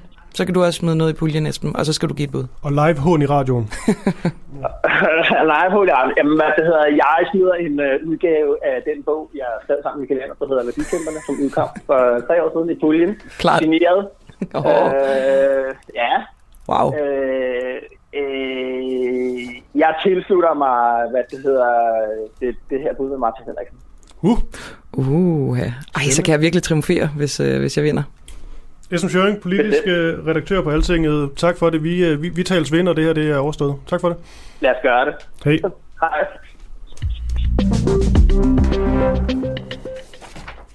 Så fik vi også lige lidt øh, reklame for Esben Schørings bog. Uh, smart af ham. Det var meget smart. vi skal til, øh, til noget ganske andet. Udrednings- og behandlingsgarantien vi skal vel næsten lige prøve at forklare, hvad, hvad det her det går ud på. Fordi når man bare siger udrednings- og behandlingsgarantien, så har man lidt mere, mere at stå af, og så sådan en øh, suspension af, af den. Ja, det er jo det her med, at øh, vores sundhedsvæsen er bygget sådan op, at øh, vi jo ikke bare taber patienter på gaden, så at sige, eller lader dem i hvert fald vente ud i intetheden. Det er jo sådan, at øh, hvis man er syg og skal behandles på sygehus, og hvis der så ikke er tid inden for 30 dage i det offentlige sygehusvæsen, så bliver man ligesom sendt videre i det private og kan så få behandling der, sådan, så man er sikret at få det i tid. Mm. Og regeringen, de har nu valgt at suspendere den her udrednings- og behandlingsgaranti, og det er jo blandt andet sket, fordi det danske sundhedsvæsen er presset. Det er vel en primær årsag. Og det er altså et, øh, det er regeringen og et flertal i Folketinget, som har valgt at suspendere udrednings- og øh, behandlingsgarantien. Spørgsmålet er så, hvorvidt det her det er en god idé, og hvilke negative konsekvenser det kan få. Vi taler nu med øh, en, der er imod, og en, der er for. Og den første levende gæst, det er Lislot Blikst. Hun er sundhedsordfører for Dansk Folkeparti, og også medlem af epidemiudvalget. Og øh, Lislot Blikst, lad os bare starte der. Hvad er den negative konsekvens ved at suspendere udrednings- og behandlingsgarantien? Og godmorgen. Godmorgen. Jamen, vi så sidste gang, hvor man øh, suspenderede det, så var der rigtig mange patienter, der kom i klemme, som øh, gik med øh, uforklarlige symptomer og ikke blev udredt øh, nøje. Altså det var kræftpatienter. Der var smertepatienter, som ikke fik den operation, som øh, de stod og, og havde ventet på i efterhånden i lang tid. Det vil sige, at der kom rigtig mange i klemme, og vi havde privathospitaler, som stod og kiggede på tomme lokaler og ikke noget at lave. Og det er jo det, vi frygtede ved, at man øh, fuldstændig cutter det og kan da også se, at øh, regionen Syddanmark for eksempel har jo øh, fortsat med at sende patienter til øh, privathospitaler. Og det var mere den, den retning, vi havde set, at, øh, at man godt kunne skubbe nogen, men øh, man samtidig sørger for at få så mange igennem som muligt. Liselotte Blix, kan du ikke lige prøve at forklare mig, altså det hedder jo en udrednings- og behandlingsgaranti. Når man suspenderer den, vil det så sige, at man heller ikke udreder patienter, og dermed jo ikke kan dele dem op i, hvem der ligesom er sådan akutte og hvem der godt kan vente, fordi det, vi taler om en knæoperation. Tror jeg er lidt ja, forvirret over det. Man, Ja, altså udredning, det er jo den her, at hvis du går med uforklarlige symptomer, så skal du udredes inden 30 dage. Og det kan jo være en kræftsygdom, som vi så på øh, nogle af dem, der øh, ikke blev behandlet øh, tidsnok i første omgang, hvor man øh, udelukkede det, så suspenderede det. Der var kræftpatienter, der gik og havde øh, dårlige lunger, og hvor de sagde, at det kunne være corona, det kunne være alle mulige andre ting. Og så viste det sig, at de ikke blev sendt afsted på de her kræftpakker, som vi har.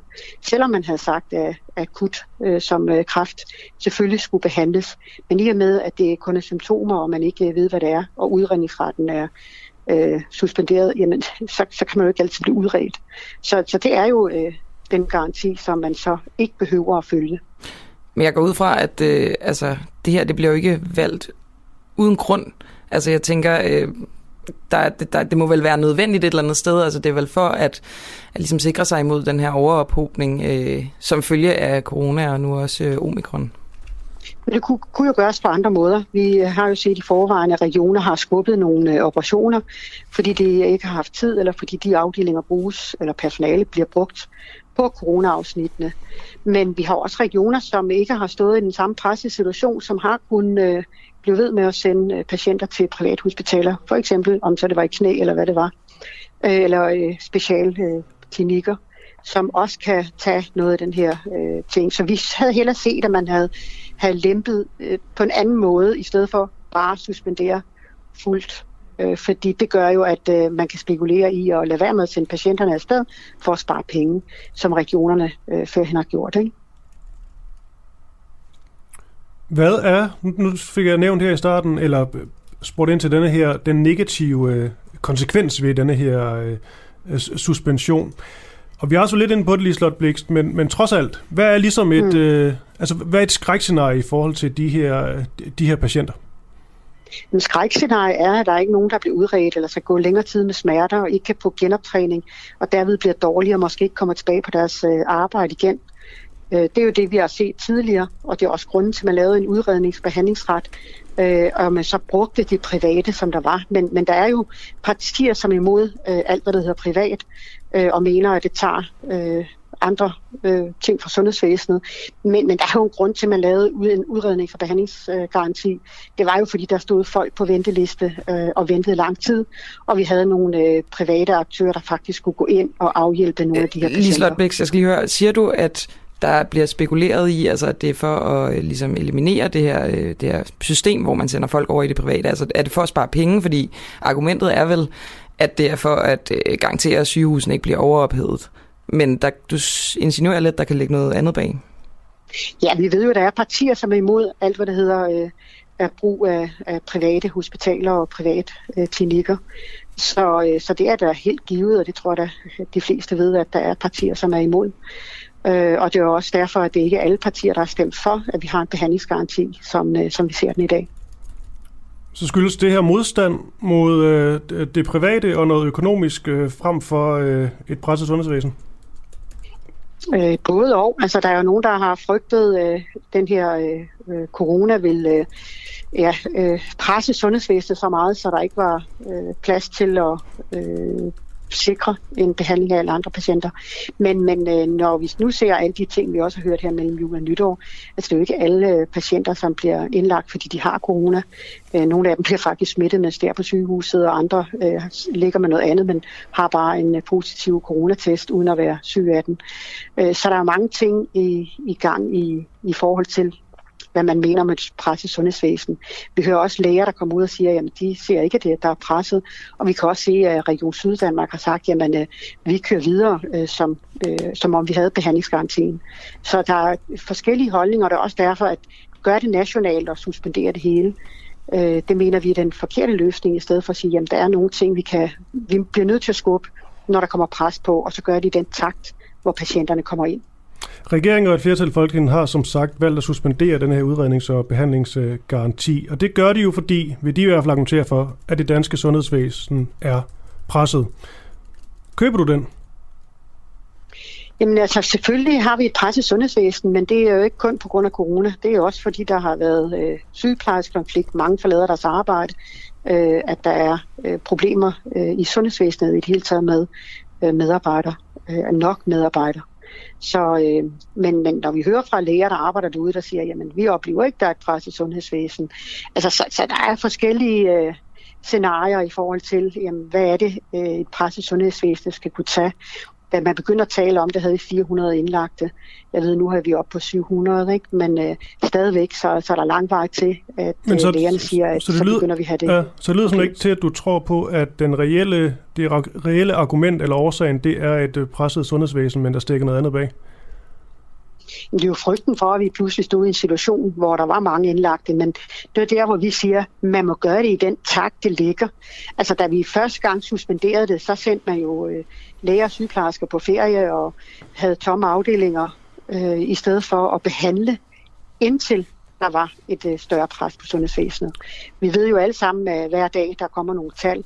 Når man så øh, suspenderer det i fire uger, jamen, øh, så kunne man have gjort det ad hoc når man kan se, at der kommer patienter ind. Ikke? Mm. Liselotte Blix, vi taler lige om kort øjeblik med øh, Peter Velblund som øh, sundhedsordfører for Enhedslisten, og han er altså, øh, ja, han går ind for det her. Hvad er det, hvad er det, allerbedste, ja, hvad, hvad, hvad er det allerbedste spørgsmål, vi kan stille ham? Hvorfor han ikke ønsker, at man bruger det private? Fordi han er jo imod, at man bruger de private hospitaler, ikke? Mm. Mm-hmm. Jamen, det er givet videre. Vi taler med om kort øjeblik. Liselotte Blix, sundhedsordfører for, for DF. Tak fordi du lige var med her. Velbekomme. God dag. Hej. med. Og det kan vi jo så føre direkte videre til netop, som du siger, Christoffer Peder Velblund, som er sundhedsordfører for øh, Enhedslisten og medlem af epidemiudvalget, øh, og som jo også har stemt for det her øh, forslag med at udskyde behandlingsgarantien. Øh, Peter Velblund, er du med os? Det er han måske nok ikke. Jeg kan Nej, i hvert fald ikke, ikke se en, ikke, telefon, en telefon, der er plukket i. Men altså, noget af det, hun sagde her, Liselotte Blix, det var jo, i hvert fald det, vi prøvede at grave lidt frem, det var, at hun i hvert fald satte spørgsmålstegn ved, om det kun handlede om et presset sygehusvæsen, men der også kunne være nogle øh, økonomiske goder ved det, og derudover også, at man måske ikke er så glad for det private. Ja. Nu skulle jeg gerne være med, Peter Velblom. Er du der, Peter? Ja, ja jeg er yes. med her. Ja, tak. Ja. Jamen, øh, jeg tænker måske faktisk at, at starte der, hvor Liselotte Blikst, hun, øh, hun slutter. Hvorfor, øh, hvorfor ønsker I ikke, at man, øh, man bruger det private sundhedssystem til at ligesom garantere, at folk de får den behandling, som de har brug for, hvis de for eksempel har cancer? Jamen det er jo også lige præcis det, vi ønsker, at man netop bruger den private kapacitet til øh, de akutte øh, operationer. Altså det, der har været udfordring, har jo været, at vi har et sundhedsvæsen, som er ekstremt presset på kapacitet. Øh, man har i det offentlige sundhedsvæsen, flytter man øh, opgaver fra det, man kalder det elektive, altså det, man kan, man kan vælge, det der ikke er akut, øh, det flytter man over til det, man kalder det både subakutte og det akutte, altså de mest presserende opgaver, altså de patienter, der har størst øh, behov for behandling. Øh, der flytter man opgaverne over. Udfordringen har så været, at øh, så længe der har behandlingsgarantien, så er der en, en gruppe patienter, som jo øh, har brug for behandling, altså det er typisk øh, knæ, ryg, kofte og fedmeoperationer øh, som, som der er folk, der har, har ventet på og, og gerne vil, øh, vil benytte sig af selvfølgelig. Men i en situation, hvor sundhedsvæsenet er presset, der er det afgørende, at det bliver ud fra sundhedsfaglige kriterier, at den prioritering, der foregår, øh, den bliver foretaget. Øh, og, og det betyder, at når man så suspenderer behandlingsgarantien, jamen, så får man muligheden for at bruge de ressourcer, der er i det private, øh, til at, at, at behandle akutte patienter, altså de patienter, der har størst behov for behandling lige nu og her. Jeg tænker bare om, øh, altså når vi udsætter den her øh, behandlingsgaranti, om det ikke vil skabe en eller anden flaskehals på sigt, så? Jo, jo, jo men det, det gør det, det er der slet ikke nogen tvivl om, og det er jo det, der er den store udfordring lige nu, det, har vi et, det er, at vi har et sundhedsvæsen, som er ekstremt presset på kapacitet, og, og det betyder, at der er øh, behandlinger, der bliver aflyst, øh, der er operationer, der bliver aflyst. Det afgørende er bare, at når vi er presset på kapacitet, så skal vi også sikre, at vi bruger de ressourcer, vi har til at behandle de mest akutte øh, opgaver, altså de patienter, der har mest behov for hjælp. Øh, altså vi bliver nødt til at sikre, at den prioritering, der foregår, den foregår alene ud fra øh, sundhedsfaglige kriterier. Helt klart, men Peder Velblom, altså i, i, hvis, i din drømmeverden, hvis vi nu fjerner det her, den her mulighed for private behandlinger, og nu udskyder vi så en masse operationer, så står vi tilbage i sidste ende med et sundhedsvæsen om, hvad skal jeg sige, et år eller to. Kan de klare det der? Jeg kan, jeg kan bare ikke se, hvordan det her skal fungere på sigt. Jeg kan godt se, at du har nogle argumenter for nu og her, men hvad med på sigt? Jamen det, det ændrer sådan set ikke øh, på sigt, altså det, fordi det afgørende er jo, at de behandlinger, som der er mest påkrævet, det er dem, øh, der også skal løses nu. Og det er jo derfor, vi men også skal de andre ikke behandles på et tidspunkt? Jo, jo, det skal de, men, men vi har jo ikke flere. Altså det, der er udfordringen lige nu, det er, at vi mangler øh, primært personalressourcer. Altså vi har anestesisygeplejersker, som vi desperat mangler til at løse akutte opgaver, øh, til at, at arbejde på, på privathospitaler, hvor man løser ikke akutte opgaver. Og der er pointen jo, at de sygeplejerskeressourcer, de lægeressourcer, altså alt det sundhedsfaglige personale, der er der, skal vi bruge til at løse de opgaver, der er mest påkrævet. Og, og det betyder, at der kommer en pukkel. Altså det ved vi godt, og, og den udfordring skal jo løses, men den, den løser vi jo ikke ved, altså om, altså om du er ansat på et privat eller på et offentligt hospital. Der er stadigvæk kun de samme ansatte. Øh, og det, der er afgørende, det er, at vi sikrer, at de ansatte, vi har, den bruger vi til at løse de mest akutte opgaver. Og så har vi en udfordring med at sikre, at vi kan både rekruttere og tiltrække mere personale. Men, men vi bliver nødt til at sikre, at, at de ressourcer, vi har, altså de sundhedsfaglige ressourcer, vi har, den bruger vi til at løse de opgaver, som er mest påkrævet, altså der, hvor vi kan redde flest øh, menneskeliv, der, hvor vi kan behandle de mennesker, der er mest øh, akut truet. Gør I det her, Peter Velblom, på grund af et ekstra pres grundet corona, eller gør I det, fordi I ønsker øh, ikke at smide penge væk på og, og skulle øh, ligesom tage det, off, eller tage det private sundhedsvæsen i brug? Nej, vi ønsker sådan set bare at bruge ressourcerne på det, altså der, hvor der er mest behov for dem. Og, og det er jo derfor, altså vores modstand imod behandlingsgarantien er jo ikke, fordi vi har en modstand imod, at folk bliver behandlet hurtigt.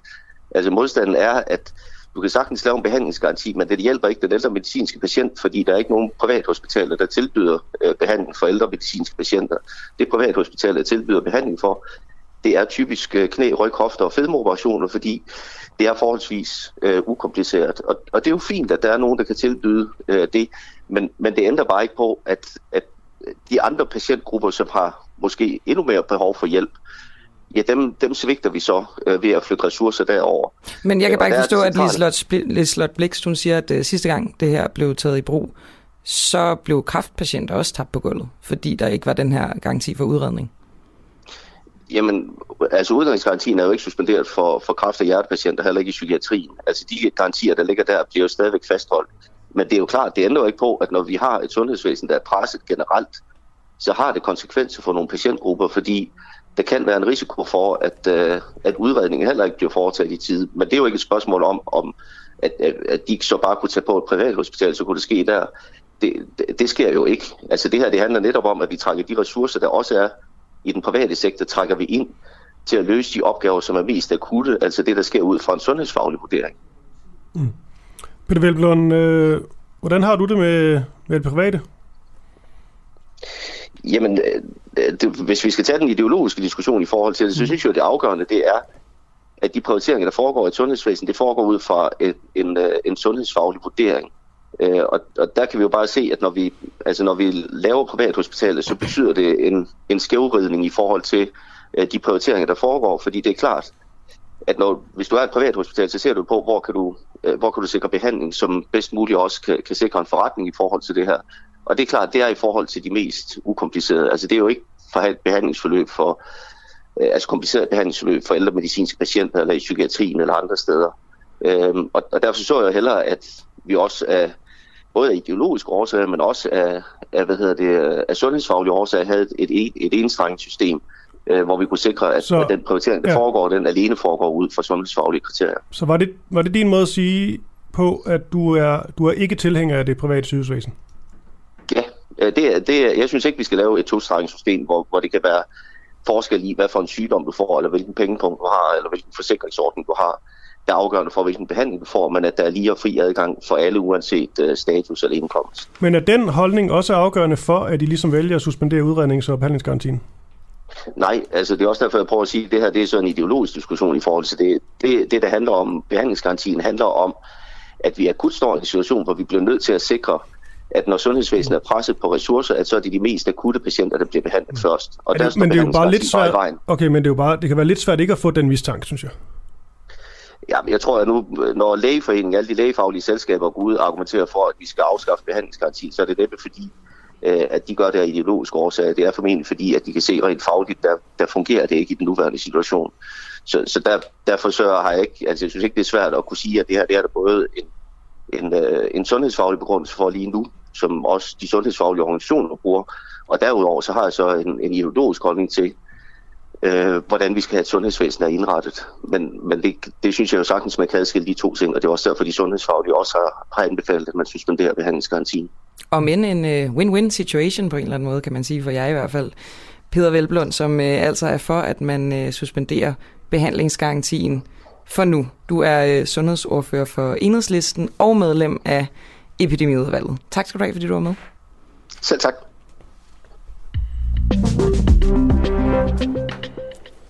Og klokken er så småt ved at blive 8.20. Den er faktisk 8.19, 24 lige præcis. Og Camilla Boraki, øh, om godt og vel 10 minutters tid, der taler du med øh, Martin Henriksen. Får du æren af. Jeg glæder mig. Før det, så skal vi tale med øh, anne Sofie Aller. Hun er jurist og politisk øh, kommentator. Og tidligere radiovært, alt muligt. Øhm, men det er vel den, øh, den juridiske del af anne Sofie Aller, vi, vi primært skal, skal bruge her, fordi det skal handle om Martin Henriksens forslag om at fratage udlændinge retten til sociale ydelser, om hvorvidt det er varm luft, eller om der er lidt øh, mere i det. Og så kan jeg i øvrigt øh, lige sige, at man jo selvfølgelig kan skrive ind på øh, eksempelvis på ind på vores øh, Facebook, hvor vi live streamer. Der kan man komme øh, med kom, kommentarer og så videre. Man kan jo også gå ind på dua.dk, hvis man rent faktisk gerne vil støtte os. Uh, det er jo en del af det, det Camilla. Jeg, nu, det synes jeg er en god idé. Nu er du ny vært her på kanalen. Det er jo Ja. ja. del af det, vi skal jo... Altså, og det er jo, fordi vi ligesom er uafhængige. Det siger jo nærmest sig selv i navnet. Så vi har ikke en masse penge i ryggen. Nej. Du har set på din lønseddel, og Det du ved, jeg. Eller jeg har ikke. Jeg har set på min kontrakt, og ja. jeg kommer til at se på min lønseddel. om man skal sluge nogle kameler, men det er også en del af det at være idealistisk. Og det synes jeg er fedt. Det er første gang i mit liv, at jeg er det, så, øh, så det glæder Ja, jeg mig jeg, føler, til. jeg føler, jeg er blevet det i meget sen alder, og med to børn og alt muligt. Ja. Men øhm, så Dua.dk, ind og støt os. 39 kroner om måneden. Det er ikke så meget, i, hvis man sammenligner med alle mulige andre dumme abonnementer, du har. Nej, og det gør rent faktisk, det er jo ikke bare pjat, det gør faktisk, at det her øh, skidt, det kan det kører rundt. Og vi kan ansætte flere nye og gode øh, journalister. Og det er, jo, altså, det er jo bare vildt. Det er Danmarks eneste fuldstændig uafhængige medie. Det, det synes jeg også, hvis man bare har et lille snært af idealisme i sig, så vil man vel gerne støtte det. Ja. Og med den lille... Opfordring? Ja, opfordring. Det var det, var, det var, skulle til at sige opsang, men det, var- det, var, det, var Ej, det er for voldsomt. Så øh, kan vi nu byde velkommen til øh, Anne-Sophie Allerup. hvad handler jo om Martin Henriksen, som vil fratage udlændingens ret til sociale ydelser i Danmark, hvis han altså bliver formand for, for DF. Og det vil altså kræve en ændring i grundloven. Det er ret vigtigt at have med, tænker jeg. Men er det her forslag om at fratage udlændinge retten til sociale ydelser mere end øh, varm luft?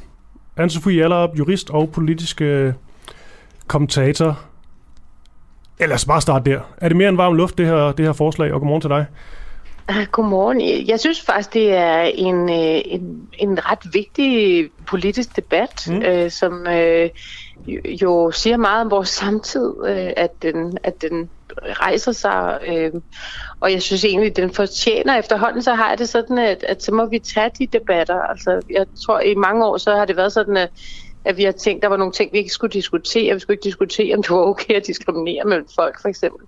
Mm. Men, men hvis det er sådan, at der ligesom er en, en, en del af, af, af pol- den politiske elite, som, som har den holdning, at det skal være okay, så må vi tage den debat. Øhm, og jeg øh, synes så, jeg byder den egentlig velkommen øhm, og, og som, som det.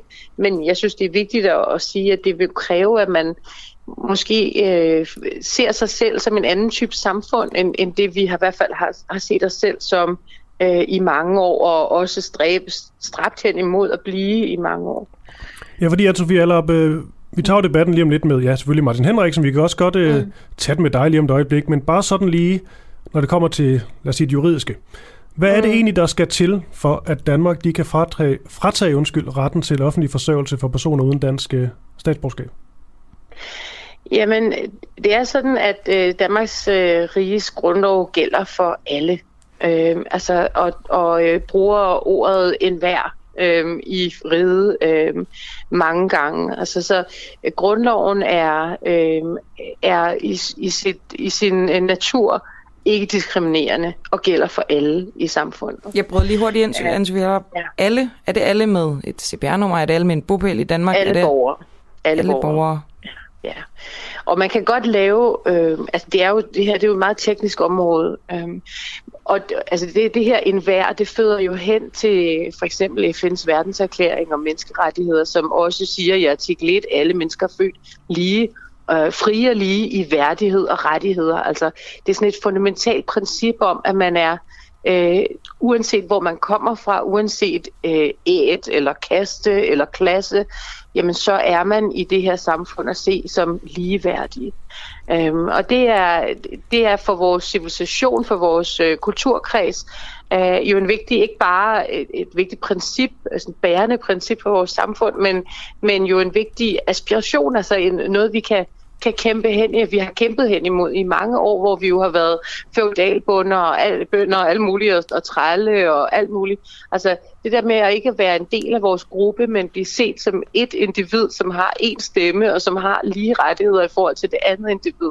Det er et vigtigt princip, øh, og det er også et princip, som er bærende i, i vores øh, samfund her i Danmark. Og det er vigtigt, så, fordi hvis man skal gøre, altså sådan, hvis det nu ikke Jamen, var der, det er jo- hvad, hvad sker der så? Hvis det, jamen, så vil vi jo være Katar eller et eller andet. Altså, vi, altså så vil man være et, en anden type samfund. Altså, så vil man være sådan et samfund, hvor man siger, Nå, men her har vi de, øh, de, de fødte borgere, og de har sådan nogle privilegier, og så har vi så nogen, der er kommet ind udefra, og de har så nogle andre øh, privilegier, som er lidt mindre end, end andre. Altså så vil man så have et, ligesom et kastesystem, eller et, et, et, øh, et inddelt øh, forskellige niveausystem, og det er noget andet øh, end det, som har været de bærende principper i vores kulturkreds, synes jeg.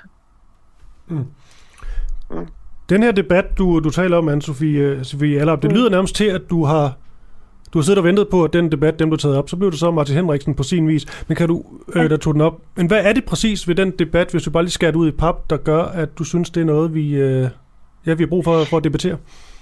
Jamen, fordi at vi jo har en, øh, en stor del af dansk politik, som kæmper om, altså sige, der er jo der er blevet brugt utrolig meget energi fra dansk politiks side øh, på at gøre Danmark så uattraktivt for, for udlændinge som overhovedet muligt over mange år efterhånden. Og vi har øh, set mange, mange ressourcer investeret øh, rent øh, intellektuelt øh, fra dansk politik side i og i denne her øvelse. Hvordan gør vi øh, det mindst attraktivt? Hvordan gør vi det sværeste at være udlænding? Hvordan gør vi øh, vilkårene mest ringe? Hvordan gør vi hvordan, hvordan altså uforholdsmæssigt meget energi er brugt her. Øhm, og, øhm, og jeg synes, det er vigtigt, at man tager den altså mere end de her øh, små nyk hele tiden med møtrikkerne. Lad os tage den store debat og sige, og det, det byder egentlig velkommen. Jeg synes, det er en, det er en væ- væsentlig ting at sige, skal vi være et samfund, hvor øh, at vi afgørende træder væk fra den her aspiration, vi har haft i, i århundreder øh, i, i vores kulturkreds, hen imod, at en person har øh, samme rettigheder. Og det, det er klart, at man kan... Øh, altså, det, det synes jeg, det er den overordnede diskussion. Så kan man sige, underordnet, er der nogle ting, man kan gøre? Det er helt klart sådan, at man kan sige, at man kan optjene nogle rettigheder efter et eller andet antal tid i Danmark. Øhm, og derfor så er det jo også et spørgsmål om præcis, hvad er det, Henriksen vil? Altså, er det sådan, at man skal sige, at man har ikke ret til offentlig forsørgelse efter et eller andet tidspunkt, øh, efter et eller andet antal tid? Øh, man er i, øh, i, øh, i landet. Altså det, der er nogle ting, man kan gøre, men så den overordnet at sige, sige, hvis du ikke er dansk statsborger, så har du overhovedet ikke ret til sådan og sådan og sådan og sådan og sådan. Det synes jeg kræver den her overordnede debat, øh, som han også selv siger, det kræver en, en grundlovsændring, som er ret svær at, at få, men altså, øh, okay. Ja, vi er jo enige om, det er jo det er jo ikke, det bliver ikke nem, øh, nem en at køre i land for Martin Henriksen der. Nej, altså det er sådan, øh, at der, der, er- der gælder, det er faktisk et meget sjovt begreb, man snakker om grundlovsmæssig rigiditet. Mm. Øhm, og Danmark har en meget rigid grundlov, og det, øh, det begreb dækker over, at den er meget svær at ændre i forhold til så mange andre grundlove. Så altså, det kræver øh, en, en sag, som både er øh, noget, som folket virkelig går op i, og samtidig øh, ikke er ukontroversielt. Altså, altså, altså skal være sådan en stor øh, flertal øh, for, øh, i folket for, og samtidig så skal folk have lov til at, eller have, have mobiliseres til at gå ned og stemme og sådan noget. Det er sådan lidt, lidt teknisk, men og så skal der være et flertal i, i to øh, på- på hinanden følgende folketing. Øhm, vi, vi har en grundlov, som er svær at ændre, hvilket er der, hvorfor at det sjældent sker. Øh, men det her med at komme ind og lave sådan en ændring i grundloven, det er altså lidt af en, øh, det er virkelig høj ambition. Sidst den blev ændret, Anne-Sophie Allerup, hvornår var det? Jamen, det var i 53, ikke? Med? Øh, jamen, grundloven er 53, ikke? Øh, Nå, den, nå, der, er- der, der, der er ikke blevet ændret i den siden. Jeg troede faktisk, at, at man ændrede den med øh, dronning Margrethe og, og tronfølge. Nej, man har lavet nogle... Altså, det er jo en afledt øh, øh, grundlov, det kan godt være. Men den, jeg, jeg tror simpelthen, at den, den hedder grundloven af 53. Og så er der nogle tronfølge love, som er øh, nogle afledte love, så vidt jeg. Øh, så, så ja, det er sådan, det er. Okay. Okay, mm. så det, øh, det, det lyder jo nærmest som om, at, at det jo faktisk de facto er tæt på umuligt. Øh, Ja, det er ikke til, det er ikke fuldstændig umuligt, men det kræver bare en helt særlig sag. Men jeg synes faktisk, at jeg synes faktisk, at øh, som jeg siger, at det er en øh, at det er en, det er en, det er en væsentlig debat, og efter, altså efter så mange år og så mange ressourcer politisk, mm. hvor vi hele tiden altså just, vi hele tiden strammer skruen, ikke? Ja. Øh, så, så lad os få den overordnede snak. Skal vi være øh, UAE, altså de forenede ja. emirater, eller, eller Katar? Altså skal vi være det her rige land oppe i Norden, hvor at man kan komme ind, og så må man være anden, øh, øh, borger, øh, mens man er her, og så kan man jo skride igen, eller et eller andet. Altså hvad er det for et system, hvad er det for en fremtid, vi ser? Og, øh, ja. og det synes jeg er en væsentlig debat. Ja, og det er jo ikke for at afbryde Anne-Sophie Allerup, det er fordi, nu tager vi sådan debatten med Martin Henriksen lige om et øjeblik, så tænker jeg, så kan vi bare tage den Mhm. videre der. Men øh, Ja. mange tak for dit øh, input her. Du er altså jurist og politisk kommentator, og kan du have en fortsat god dag, Anne? I, i lige måde. Tak. Godmorgen. Og så skal vi altså til det, som jeg har glædet mig til hele morgenen, fordi ligesom i kølvandet på, øh, at Martin Henriksen har øh, meldt sit kandidatur til øh, DF-formandsposten, så har han altså turet frem med en række forslag, som han vil prøve at gennemføre, skulle han gå hen og vinde den her øh, formandskamp. Og et af de forslag, det er, at han vil have, at det skal være slut med, at udlændinge har ret til at modtage sociale ydelser i Danmark. Kan det passe, at du har et lille klip med Martin, Christoffer? Jeg har et lidt i Martin. pult. Det er, jo, det er mig, der styrer pulten, det er rigtigt. Det kan glemmer nogle gange. Det har da. Skal vi høre det? Det synes jeg. Der er nogle af de ting, som kunne gøre, at Dansk Folkeparti ligesom har en chance for at komme igen. Det er, at vi igen bliver kendt for at være et parti, der sådan taler mere, mere klart, mere tydeligt, øh, rent ud af posen. Det var vi engang, og nu tror jeg, at der er mange danskere, der har det svært ved at mærke og finde ud af, hvor de har Dansk Folkeparti henne. Og der tror jeg, der kan jeg bidrage med noget. Han føler, at de er blevet, øh, blevet utydelige. Måske også i, altså hvad skal man sige, når man ser dem øh, relativt i forhold til, at der er kommet nogle andre spillere på banen i forhold til det her med at have en, en stram udlændingepolitik, blandt andet Nye Borgerlige, jo, som, øh, som, som styrtede fremad og, og også fik fire pladser i, i Folketinget, og på den måde, øh, så har anne Sofie Allop, som vi lige snakkede med før, også en pointe i, at det her med at, at stramme og stramme og stramme, det er, jo, øh, det er jo noget, der bliver mere og mere udbredt i de senere år. Øh, også det her med, at Socialdemokratiet, altså regeringspartiet, jo også har strammet deres udlændingepolitik mm. en hel del, ikke? Jo, og så var det også det, man jo meldte sig klart ud. Der var en, mente han, en slapper og en strammer fløj i, øh, i DF. Og han tilhører altså den stramme fløj. Det er der slet ingen tvivl om. Og nu tror jeg rent faktisk, han er med, Martin, øh, Martin Henriksen. Godmorgen. Godmorgen. Martin Henriksen, vil du gerne have, at Danmark det skal være Nordens Katar? Nej, det havde jeg ikke lige tænkt over. Så nej, det har jeg ikke nogen ambitioner om. Sådan en, øh, sådan en stat, hvor at øh, vi sidder på vores egne penge, og så, øh, så når folk kommer herop, jamen så øh, bliver de en form for, hvad skal man sige, andenrandsborgere, andenrandsborgere, i hvert fald borgere, som ikke har de samme rettigheder, som vi har som danskere. Øh, der, der tror jeg lidt, du... Så er dit spørgsmål vel dybest set, om Danmark skal være en stat, ligesom alle andre stater. Fordi alle stater er det jo sådan, at der er et sæt øh, rettigheder til, kan man sige, øh, statsborgerne, og så et andet sæt rettigheder til dem, der ikke er statsborgere. Jeg tror, jeg er ikke lige umiddelbart bekendt med en stat eller en nation, hvor det ikke forholder sig sådan. Så at bringe Katar ind i det, det, det giver ikke så meget mening. Så lad, os, øh, så lad os slette det lidt kække spørgsmål, og så vil jeg gerne høre dig, Martin. Hvilken ydelse vil du først afskaffe for, øh, for udlændinge? Øh, altså, jeg synes jo helt principielt, at øh, det kan jo være, det kan være kontanthjælp, det kan også være øh, børnepenge. Vi giver jo også øh, bruger en del penge på SU til andre øh, europæiske øh, borgere, og hvad hedder det. øh, Så det kunne være nogle af de bud. Og, og hvad er drømmescenariet? Er det at slette alle ydelser, og i øvrigt også for, for, for hvem? Altså, hvem taler vi om, hvis du kan udspecificere det? Jamen, det er udlandske statsborgere.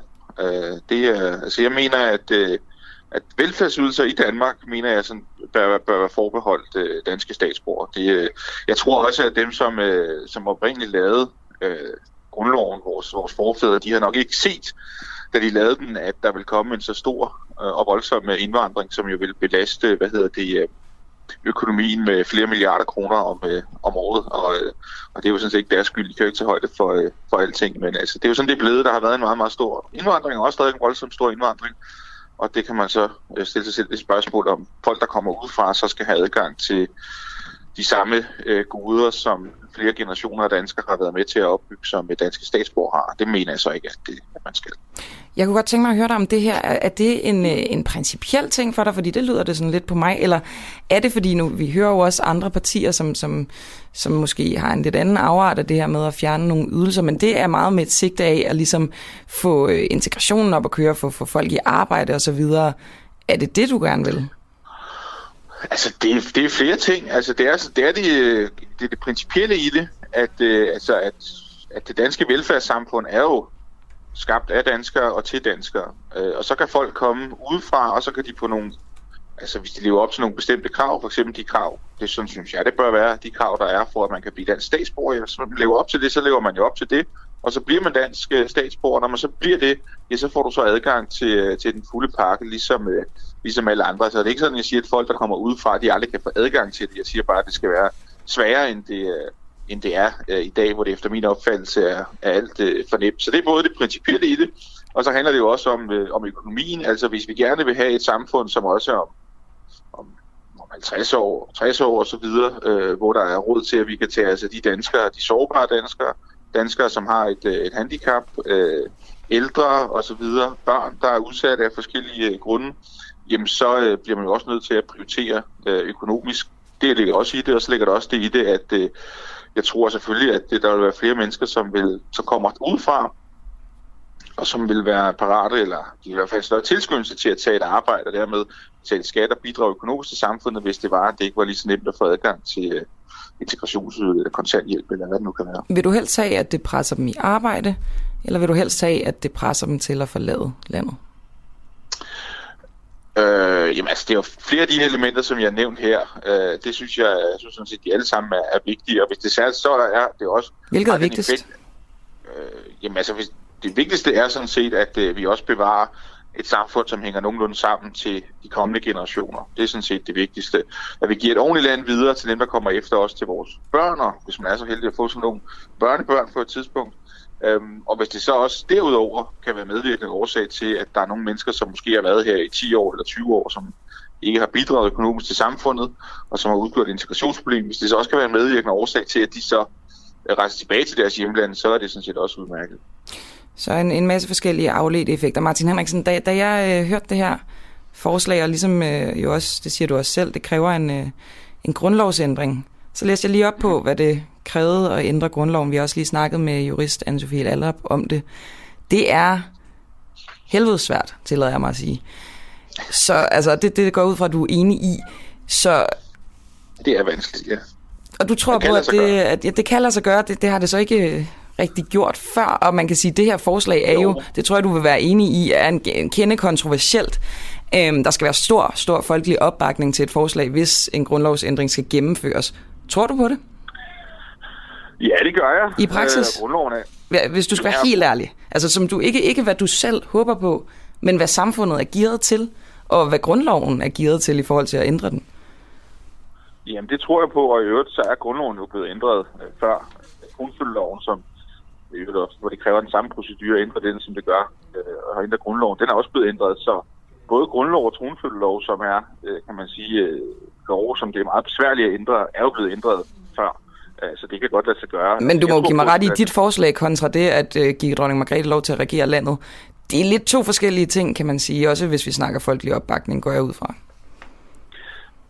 Den pågældende uh, grundlovsændring gav, så vidt jeg husker, også mulighed for, at Danmark kunne blive medlemmer af EU og også en række andre uh, så den omhandlede ikke kun uh, monarkiet, den omhandlede også andre reelt politiske øh, tiltag, og så kan man så diskutere, om det var en god idé, at Danmark fik en mulighed for at blive medlem af EU. Det synes jeg så ikke. Men så derfor omhandlede den grundlovsændring også andre øh, elementer, som også var politiske elementer. Så det kan jo godt øh, lade sig gøre, at, øh, at ændre grundloven, også hvis du er, du har sådan et, et mere sådan politisk øh, sigte med det. Det her, det er jo en, altså, reelt så det, jeg foreslår her, det er jo en, det er jo en mindre justering af grundloven, så grundloven vil stort set være, som den er i dag, og så vil man simpelthen ændre på det, det ene punkt. Det kan få vidtrækkende økonomiske konsekvenser, positive økonomiske konsekvenser for det danske samfund, men altså sådan rent tekstmæssigt vil det jo, øh, vil det jo være en mindre øh, justering. Og argumentet bag, tror jeg, mange danskere vil, øh, vil kunne følge, nemlig at hvis du vil have adgang til den fulde velfærdspakke i Danmark, så skal du så leve op til de krav, der er for, at man kan blive dansk statsborger. Altså jeg personligt tror jeg sådan set, at det var det, vores grundlovsforfædre havde tankerne, da de lavede grundloven. Men så er der så kommet nogle fortolkninger hen ad vejen fra Justitsministeriet, Centraladministration og Højesteret, som så har gjort, at man har fået en anden opfattelse af, hvordan grundloven den skal, den skal forstås. Men, men altså ikke, ikke desto mindre, så er det den tolkning, man har, og derfor realistisk set, så øh, vil det jo nok kræve en grundlovsændring, og det er derfor, jeg så siger det. Men, men, men altså den her grundlovsændring, det vil jo kræve, først skal loven behandles, så vidt jeg ved, gennem sådan øh, seks lovbehandlinger, så skal der samles flertal for den, så skal der være et folketingsvalg, så skal samme lov ujusteret fremføres for det nye folketing, som så også skal stemme det igennem, og så skal det til folkeafstemning. Altså, jeg, jeg synes, det lyder øh, ja. ganske uoverskueligt, og altså, lad os nu være realister, Martin Henriksen. Det kan jo ikke lade sig gøre. Altså, da jeg havde fornøjelsen af at sidde i Folketinget, det gør jeg så ikke mere, men der ændrede man tronfølgeloven, og det er den samme procedure, det gik jo sådan set øh, ganske smertefrit, og i 53, der ændrede man så også grundloven, og det kunne jo også godt uh, lade sig gøre.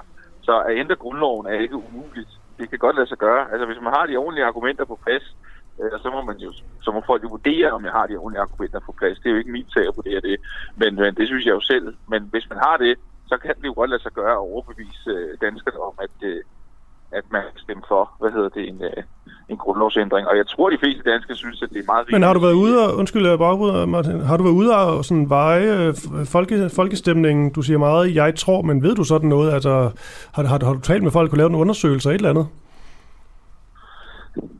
Om jeg sådan har brugt øh, mange tusind kroner for at få øh, voksmeter eller andre til at ringe Det lyder da som en hjertesag. Selvfølgelig har jeg ikke det. Nå. Selvfølgelig har jeg ikke det. Øh, altså det her, det er jo noget, som... Øh, altså Dansk Folkeparti har jo i, øh, i overvis haft det synspunkt, at vi mener, at velfærdsydelser bør være forbeholdt danske statsborger. Og så har jeg jo siddet i en, en lang række forhandlinger i flere ministerier, øh, flere omgange, og, øh, og så er jeg nået frem til, at, at, at, at altså ud af de argumenter, som har været, og juridiske argumenter, og dom for højesteret og så videre, at, øh, at hvis det skal gennemføres, hvis Dansk Folkeparti skal gennemføre det her på et tidspunkt, øh, et tidspunkt, som når jeg har været ude at tale med folk, jeg synes, der sådan set er god opbakning til, så synes jeg også, at man skal være ærlig at sige, at, at, at det kan realistisk set, som tingene ser ud, øh, kun gennemføres, hvis det er, at man, øh, man har en, grundlovs, øh, altså en grundlovsændring for, øh, for øje, i hvert fald en lille øh, justering, som jeg så lægger op til her. Øh, hvis det her skal gennemføres, Martin Henriksen, bliver det svært, ja eller nej? Ja, det bliver rigtig svært, men øh, bare fordi noget er svært, er det ikke betyder med, men øh, altså, så det er jo ikke betyder, at man ikke skal gøre det. Klart, klart, men det er jo det, jeg egentlig leder efter, det er, hvor, hvor meget symbolpolitik der er i det her. Du står også over for et, øh, en formandsvalgkamp, øh, hvor at du jo ligesom øh, gerne vil markere den her stramme linje, men at, kunne det ikke være en idé ligesom at, at, at gå i nogle lidt mere realistiske øh, Øh, af nogle lidt mere realistiske veje? Kan det her ikke gøres på en måde, som, som, som måske kan lade sig gøre i praksis? Jamen, det kan lade sig gøre inden grundloven. Jeg har henvist til et par eksempler, så, så det, er, det er ikke noget, man, man bare lige gør. Jeg mener heller ikke, jeg mener, det skal være vanskeligt at ændre grundloven. Det er sådan set også ja, det er min holdning, at det skal være vanskeligt at ændre grundloven. Man skal have gode argumenter for at gå ind og, øh, og gøre det. Øhm, og det mener jeg så også, at øh, ja, det er beskedenhed, at, at jeg har her, og så må andre så vurdere, om de synes, de argumenter de er, de er okay. Øh, om det så er noget, der i sidste ende vil kunne, øh, vil kunne gennemføres, det er, jo, altså, det, er jo, det er jo for tidligt at sige på, øh, på nuværende tidspunkt. Men altså, når man har den holdning, og den holdning har partiet jo haft, at tid jeg kan huske, at hvis man mener, at velfærdsydelser skal være forbeholdt danske statsborger, så kræver det så også, at man er parat til at, at gå skridtet videre og tro på, at det så også øh, kan lade sig gøre. Og det mener jeg godt, man kan gøre samtidig med, at man bevarer den respekt, som er helt nødvendig at have på grundloven. Okay, Martin Henriksen, øh, hvis du lige gider holde på, hænge på i to minutter mere, så har jeg lige en enkelt ting, som jeg bare lige har, har stusset lidt over. Fordi du sagde til Ekstrabladet, at øh, altså i forhold til Dansk Folkeparti og stadig være et øh, parti, der er relevant og nogen, som man gerne vil have fortsætter, så bliver I ligesom nødt til at ture gå forrest og sige det, som ingen andre tør sige, især i forhold til integrationsproblemer. Men derfor blev det ja. faktisk ikke så, så uddybet i, i artiklen, så nu er jeg bare nysgerrig. Hvad er det, du kan sige om integrationsproblemerne herhjemme, som, øh, som ingen andre tør at sige? Nå, men der er der sikkert nogle andre, der, der tør sige det. Men øh, et eksempel, som jeg har givet, det er, at man i stedet for, at man for eksempel siger, at øh, de integrationsproblemer, vi har, det, det drejer sig om islamisme, så kunne man jo være ærlig og sige, at dybest set drejer det sig jo om, om islam. Øh, fordi at det er jo, det er så mange opfatter som, kan man sige, det ekstreme øh, islamisme, altså det er jo dybest set bare det, der er kernen af islam. Så det kunne man jo sige mere åben øh, og ærligt. Altså, det betyder ikke, at alle, som har muslimsk baggrund, følger de principper, som er islam og som er dybt problematiske. Men når du kigger på ideologien og religionen, så kunne man godt være mere ærlig omkring, hvilken betydning den har for, for samfundet. Så kunne man jo også godt være altså mere tydeligt kunne man jo godt advare imod, at det vi jo sådan set har kurs imod, det er en, øh, en befolkningsudskiftning. Og der er jo allerede områder i dag i Danmark, hvor at man kan sige, at almindelige danskere er kommet i, i mindretal. Og hvis indvandringen fortsætter, så vil det jo sprede sig, og det vil vi se mere af. Der er nogle ting, kunne man godt sige mere klart og tydeligt efter, efter min opfattelse, men det er selvfølgelig også en øh, uh, temperamentssag. Jeg kunne godt tænke mig lige at vende tilbage til dit øh, forslag, Martin Henriksen, fordi jeg ser det også som om, og det sagde Anne-Sophie også, at det jo, det, hvis det her forslag bliver vedtaget, så er det sådan ret grundlæggende for den måde, vi ligesom øh, hidtil har opfattet vores samfund på, hvor at øh, alle er lige, og vi kigger meget, eller vi øh, opfører os efter øh, menneskerettighedskonventionerne. Øhm, og det her, det, vil, altså, der, det her forslag, der vil både FN's flygtningekommission og den europæiske menneskerettighedskommission stå i vejen. Jeg ved godt, at du nok ønsker, at vi øh, melder os ud af EU. Vil du også gerne have, at vi melder os ud af FN? Altså, jeg er ikke en stor fan af FN.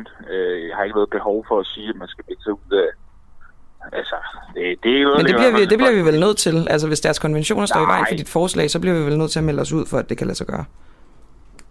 Nej, det, det, det gør vi sådan set ikke. Øh, altså, fordi man kan sige, hvis der kommer en forfatningsændring i Danmark, så er, så er det jo forfatningsændring, der gælder, så er det grundloven, der gælder. Og øh, hvis der så er en konvention, som siger noget andet end grundloven, så er det grundloven, der gælder. Øh, så det vil man jo komme udenom på, øh, på den måde. Og når man kigger på, hvilke andre lande, der er medlem af, af FN, nu er det ikke, fordi jeg er sådan specielt stor fan af FN. Hvis man kigger på alle andre lande, der er medlem af FN, så øh, ser jeg ikke lige for mig, at øh, Danmark vil blive, øh, blive smidt ud. Der er nogle andre lande, der vil stå øh, først for. Det tror jeg egentlig var, øh, var det. Har du mere, Kristoffer, til Martin? Nej, det er bare i forhold til det med, hvad der, hvad der sker i fremtiden i forhold til, til islam. Altså, ved du egentlig, hvor mange øh, muslimer, der bor i Danmark, sådan i procenter? Øh, det er der faktisk ikke nogen, der ved, fordi vi opgør jo ikke, øh, hvad hedder det, øh, altså folks religiøsitet i Danmark. Så, øh, så der er forskellige bud, mange forskellige bud, men, men der er faktisk ikke nogen, der ved det, fordi vi opgør ikke den slags. Så okay. nej, det kan jeg faktisk ikke øh, svare på, men øh, jeg vurderer en påstand, at øh, der, er nok, der er nok nogle eksperter, der vil påstå, at de kan svare præcis på det, men øh, efter min opfattelse vil det så bare være en påstand. I de fleste, så, øh, i de fleste tal, man kan se, der er det sådan noget 4-5 procent af befolkningen, som er, som er, er danske ja, muslimer. Der vi, øh, vi, ved, vi ved det faktisk ikke, fordi vi, vi opgør ikke folks religiøsitet, så det, det, det, det er et gæt. Det kan være, det, det, det ene gæt kan være lige så godt som det andet, men det er et gæt. Nej, det kan du ikke. Der er jo ikke 80 procent. Nej, nej, det er selvfølgelig ret i, men det er der ikke nogen, der gætter på. Ja, det, der skal nok være nogen derude, som, som gætter på det. Martin Henriksen, til aller, aller sidst. Jeg kunne bare godt tænke mig at høre egentlig, nu spørger jeg dig om noget helt, helt andet. Hvem, øh, hvem føler du dig mest troet af? I er fire, der erklærer jer som øh, formandskandidater. Hvem, øh, hvem er din største konkurrent? Nå, altså jeg synes nu ikke lige, at jeg lige frem føler mig, øh, føler mig troet. Jeg tager det meget øh, stille og roligt. Jeg betragter det jo ikke som... Øh, altså hvis det er, at øh, jeg taber et formandsvalg, jeg betragter ikke som, øh, som den store skam. Altså jeg kæmper kampen, og så må vi se, hvad der, hvad der kommer ud af det. Men øh, jeg, jeg tror, at det er meget øh, realistisk at sige, at øh, de to, hvad hedder det, øh, øh, de to sådan primære konkurrenter, det er undertegnet, og så hvad hedder det, uh, Messerschmidt. Det, det tror jeg ikke, vi skal vælge. Hvem vil du selv vælge, hvis du ikke uh, skulle stille op? Uh, som det er nu? Ja. Ja, men nu, jeg er den type, som ligesom forholder mig til, hvad, altså, bilder mig selv ind, jeg forholder mig til realiteterne af virkeligheden, og virkeligheden er jo det, når jeg selv stiller op, så derfor så tillader jeg mig bare at pege på mig selv. Det synes jeg er utroligt kedeligt, Martin. Kan jeg ikke få et svar ud af dig? Hvis ikke dig, hvem så? Nej. Ah, det tror jeg ikke, jeg vil svare på. Det er altså bare i orden, Martin Henriksen, øh, som altså stiller op til, øh, til formandskabet i Dansk Folkeparti, og som øh, har nogle, øh, nogle ting, som du gerne vil, vil ændre, hvis du skulle være så heldig at øh, blive formand. Tusind tak skal du have. Tak fordi jeg måtte være med. Ha' det godt. Lige måde.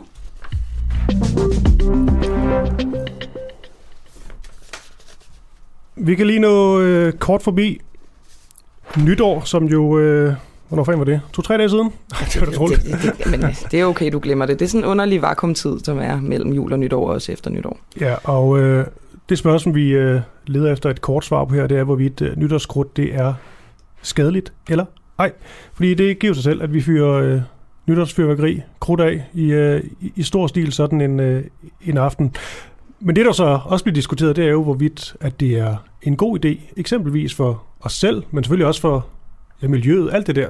Ja, det kan man ikke lade være med at tænke, når der er alle de der tåger og så meget Nej. affald og sådan noget. Man tænker, er det helt, helt sundt? Ja, ja selv, selv når man fyrer en bordbombe af, så tænker man. ja, det kan man. Carsten Sur Jacobsen, han er institutleder for miljøvidenskab, og han kan nok sådan kort og kontant måske svare på det her. Så lad os bare starte. Kast ud i det, Carsten. Øh, fyrværkeri. Er fyrværkeris øh, forurening skadelig for os mennesker? Og godmorgen. Godmorgen. Ja, Universitet. Hov, jeg skal lige... Øh, vi kan næsten ikke høre, hvad du siger, øh, Carsten. Du... Kan du prøve igen? Ja, vi prøver igen. Kan du høre mig nu? Ikke rigtigt. Det lyder lidt som om, øh, du står i et akvarie eller sådan noget. Ja, Ikke rigtigt. Prøv, prøv hen til et vindue, eller sving telefonen over hovedet, eller... Hov. Er det bedre nu? Nej, faktisk ikke. Måske kan du råbe gennem hele interviewet. Nej, okay. Ellers, Carsten, det kan også være, at vi bare tager den i, øh, i, i morgen. Åh, oh, ja. ja. Der ser du i hvert fald igen, Camilla. Ja, det er rigtigt. Skal vi ikke gøre det? Er det ikke, er det ikke for irriterende her? Carsten, vi tager den i morgen. Så har vi en aftale der, ikke? Godt. Hey, vi kan simpelthen ikke høre, du siger. Jeg kunne høre, sagde okay, så vi har i hvert fald en aftale. Og så tror jeg nok, det næste, det er øh, Dennis Rybash. Jeg er ikke 100% sikker, men øh, der får en thumbs up ud fra øh, teknikken. Han er altså direktør i det flyselskab, der hedder Alsi Express, tror jeg. Alsi Express. Ja. Øh, det skal jo handle om, igen, vi har jo været lidt forbi den, øh, men Mette Frederiksens nytårstale, mm. hvor hun også får sagt, at øh, inden 2025, hvis jeg husker korrekt, skal det være muligt for danskerne at vælge at flyve helt grønt indrigs, og i 2030 skal det kun være muligt at flyve helt grønt, når vi altså flyver indrigs. Og øh, så vidt jeg har forstået, så har Dennis Rybasch, Rybasch været, øh, været med til at ligesom øh, udarbejde det her forslag, det her grønne forslag, som, øh, som regeringen altså har som øh, ambitioner for de næste par år. Er Dennis Rybash med os? Ja, god formiddag, det er jeg. God formiddag. Ja, det er det vel for nogen i virkeligheden. Øh, Dennis, hvad er, øh, hvad er det vigtigste for, hvad er det, hvad er det vigtigste, der skal til, for at I kan nå den her målsætning? Ja, indledningsvis kan jeg jo sige, at det, jeg personligt ikke har været med til at udarbejde forslaget, men branchen som helhed har. Det var jo sådan, at øh, regeringen i november 2019 nedsatte 13 øh, klimapartnerskabsaftaler, øh, og øh, den ene af dem, det er luftfarten. Og der var så luftfarten øh, som, som en samlet enhed, der i starten af 2020 så leverede vores indspil til, hvordan vi når de her mål. Og det helt essentielle i det er oprettelsen af en klimafond, som skal understøtte øh, udbuddet og efterspørgselen af øh, bæredygtigt flybrændstof. Synes du, det er en, øh, en god idé, Dennis? Er det en god idé for dit øh, firma? Det er i hvert fald en vej frem til, at vi når hen imod det, at du kan flyve CO2-neutralt. Men er det fedt for jer, altså for dit firma? Jeg synes, det er et, et, vigtigt, et vigtigt skridt, og øh, jeg synes, det er rigtig interessant, at det nu også efter to års ventetid, kan vi sige, nu også bliver behandlet politisk. Men, men hvorfor vil du egentlig ikke svare, om det er godt for dit firma? Jamen, jeg synes, det er godt. Okay. Okay, okay. Øhm, er det egentlig ikke lidt af et sats, tænker du, at sætte så konkret en tidsramme, når flere af tiltagene jo er sådan lidt usikre og handler en del om, øh, hvad skal man sige, forskning, udvikling, teknologisk udvikling? Ja, det er i hvert fald ambitiøst. Det er vi enige om. Og vi ved jo også, at altså, vi begyndte jo sidste år at, øh, at iblande biobrændstof baseret på, øh, på øh, hvad hedder det, restaffald, øh, madaffald og tilsvarende. Og det ved vi også, at det når vi ikke i mål med at være CO2-neutral. Altså den teknologi rækker sig ikke til, at vi kan, kan nå i mål. Så derfor skal der udvikles øh, og videreforskes på teknologi, der, der bringer os over målstregen. Og, øh, og tror du på det? Ja, jeg tror på det. Øh, jeg kan også se, at der er selvfølgelig nogle eksperter, der også siger, at, at den her Power to X-teknologi ligger der, og den skal, det, der nu gælder om, det er jo at få den skaleret op, så den kan producere de mængder, vi har behov for. Dennis uh, Røbrecht, uh, det blev sådan en kort lille, lille ting her, men vi, uh, vi har et stramt program her til morgen, men, men tak fordi du lige var med her. Kan du have en fortsat god formiddag? Ja, tak for fortsat god Tak. til jer. Hej. Hej. Fordi Camilla, vi kan lige nå forbi Søren Ege Rasmussen, tror han hedder. Han er folketingsmedlem fra, fra Enhedslisten. Spørgsmålet er, hvorvidt vi simpelthen helt skal droppe indrigsflyvninger i Danmark. Nu snakker om, som lige taler om her, om, øh, om grønne målsætninger, 2030-mål, og hvad kan vi gøre? Men den, man kunne også bare sige, hvorfor skal vi flyve i Danmark? Hvorfor ikke sådan noget som højhastighedstog, der ikke forurener så meget? Alt det her er simpelthen bare at droppe indrigsflyvninger. Ja, man kan jo sige, at vi er jo et lille land, så på den måde, så, øh, så kunne det jo måske være nærliggende. Måske. Ja, og øhm, som sagt, så er Søren Ege Rasmussen her, folketingsmedlem fra, fra Enhedslisten. Og jeg er egentlig bare nysgerrig på, hvorvidt Enhedslisten, de, øh, de mener, at vi helt skal droppe indrigsflyvninger i Danmark. Så øh, Søren, øhm, lad os da bare starte der. Hvis det stod til jer i Enhedslisten, burde vi så droppe indrigsflyvninger helt? Og godmorgen. Ja, godmorgen.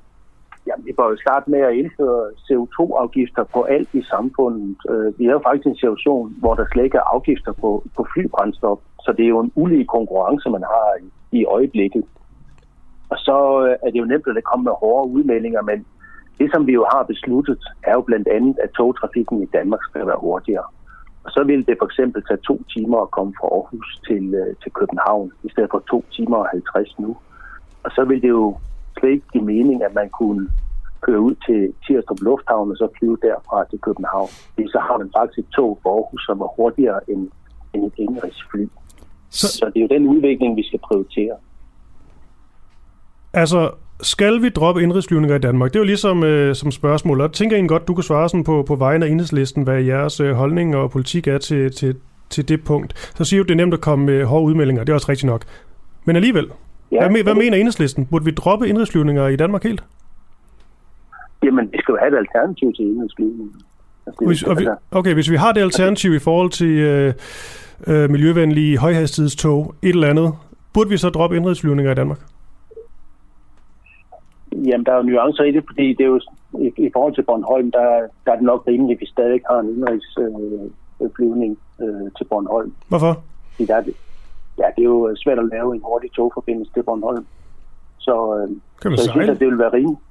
Ja, det kan man. Det gør man også i øjeblikket, men det er jo en meget lang transporttid. Så det, det vil give mening at have grøn flyvning til, til Bornholm. Øh, Det synes jeg, man skulle, øh, man skulle arbejde på.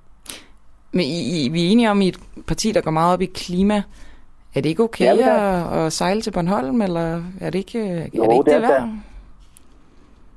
Jamen, jeg synes, at det er fint, hvis folk de sejler til, til Bornholm, men det tager bare ret lang tid, og en, og en del mennesker tager en bus øh, øh, til Ystad, og så sejler man derfra øh, til, til Bornholm. Må jeg, Så, gerne, ja, Søren, må jeg gerne lige høre her, altså i praksis, lad os sige, der kommer en masse alternativer, og det, det bliver lavet sådan, at der er særregler for Bornholm. Vil I så sådan, altså decideret fra, fra statsligt hold forbyde indrigsflyvninger i Danmark? Nej, det er jo ikke, altså, vores politik er jo ikke sådan at, at gå ud og piske med, med forbud. Vi vil sådan set øh, opbygge alternativerne. Og de bliver jo opbygget blandt andet, når vi indfører CO2-afgifter på, øh, på CO2-forurening. Så vil det blive mere attraktivt øh, at vælge andre, andre transportformer. Og så skal vi jo sikre via Folketinget, at, øh, at togdriften bliver bedre. Det er jo ikke noget, markedet kan klare. Det er noget, vi skal tage beslu- øh, opfølgende politiske beslutninger om. Og vi har jo sådan set besluttet, at vi skal, den timemodel, øh, hvor det tager to timer at komme fra, fra Aarhus til København, at den skal, den skal indføres, og, og der skal være en timedrift øh, mellem øh, Okay, men, men Søren. Søren, hvis nu, at det lykkes det her med i 2030, der flyver vi fuldstændig grønt i, i Danmark, når, når det indrigs. Er det så godt nok for jer i enhedslisten, eller kræver I stadigvæk at, øh, at droppe indrigsflyvninger helt? Er det bedre? Jamen, øh, nu siger man, at det er, er, er grønt øh, flybrændstof, og, og man kan sagtens lave noget øh, flydende brændstof, som er mere grønt end nu, men der er det energitab ved det. Og, og vi står sådan set over for, at vi her i starten af året skal forhandle, hvor er det, vi skal bruge den der grønne øh, hvad skal man sige, nye brændstoffer. Er det i, øh, i lastbiler? Er det på togstrækninger, hvor det er for dyrt at elektrificere?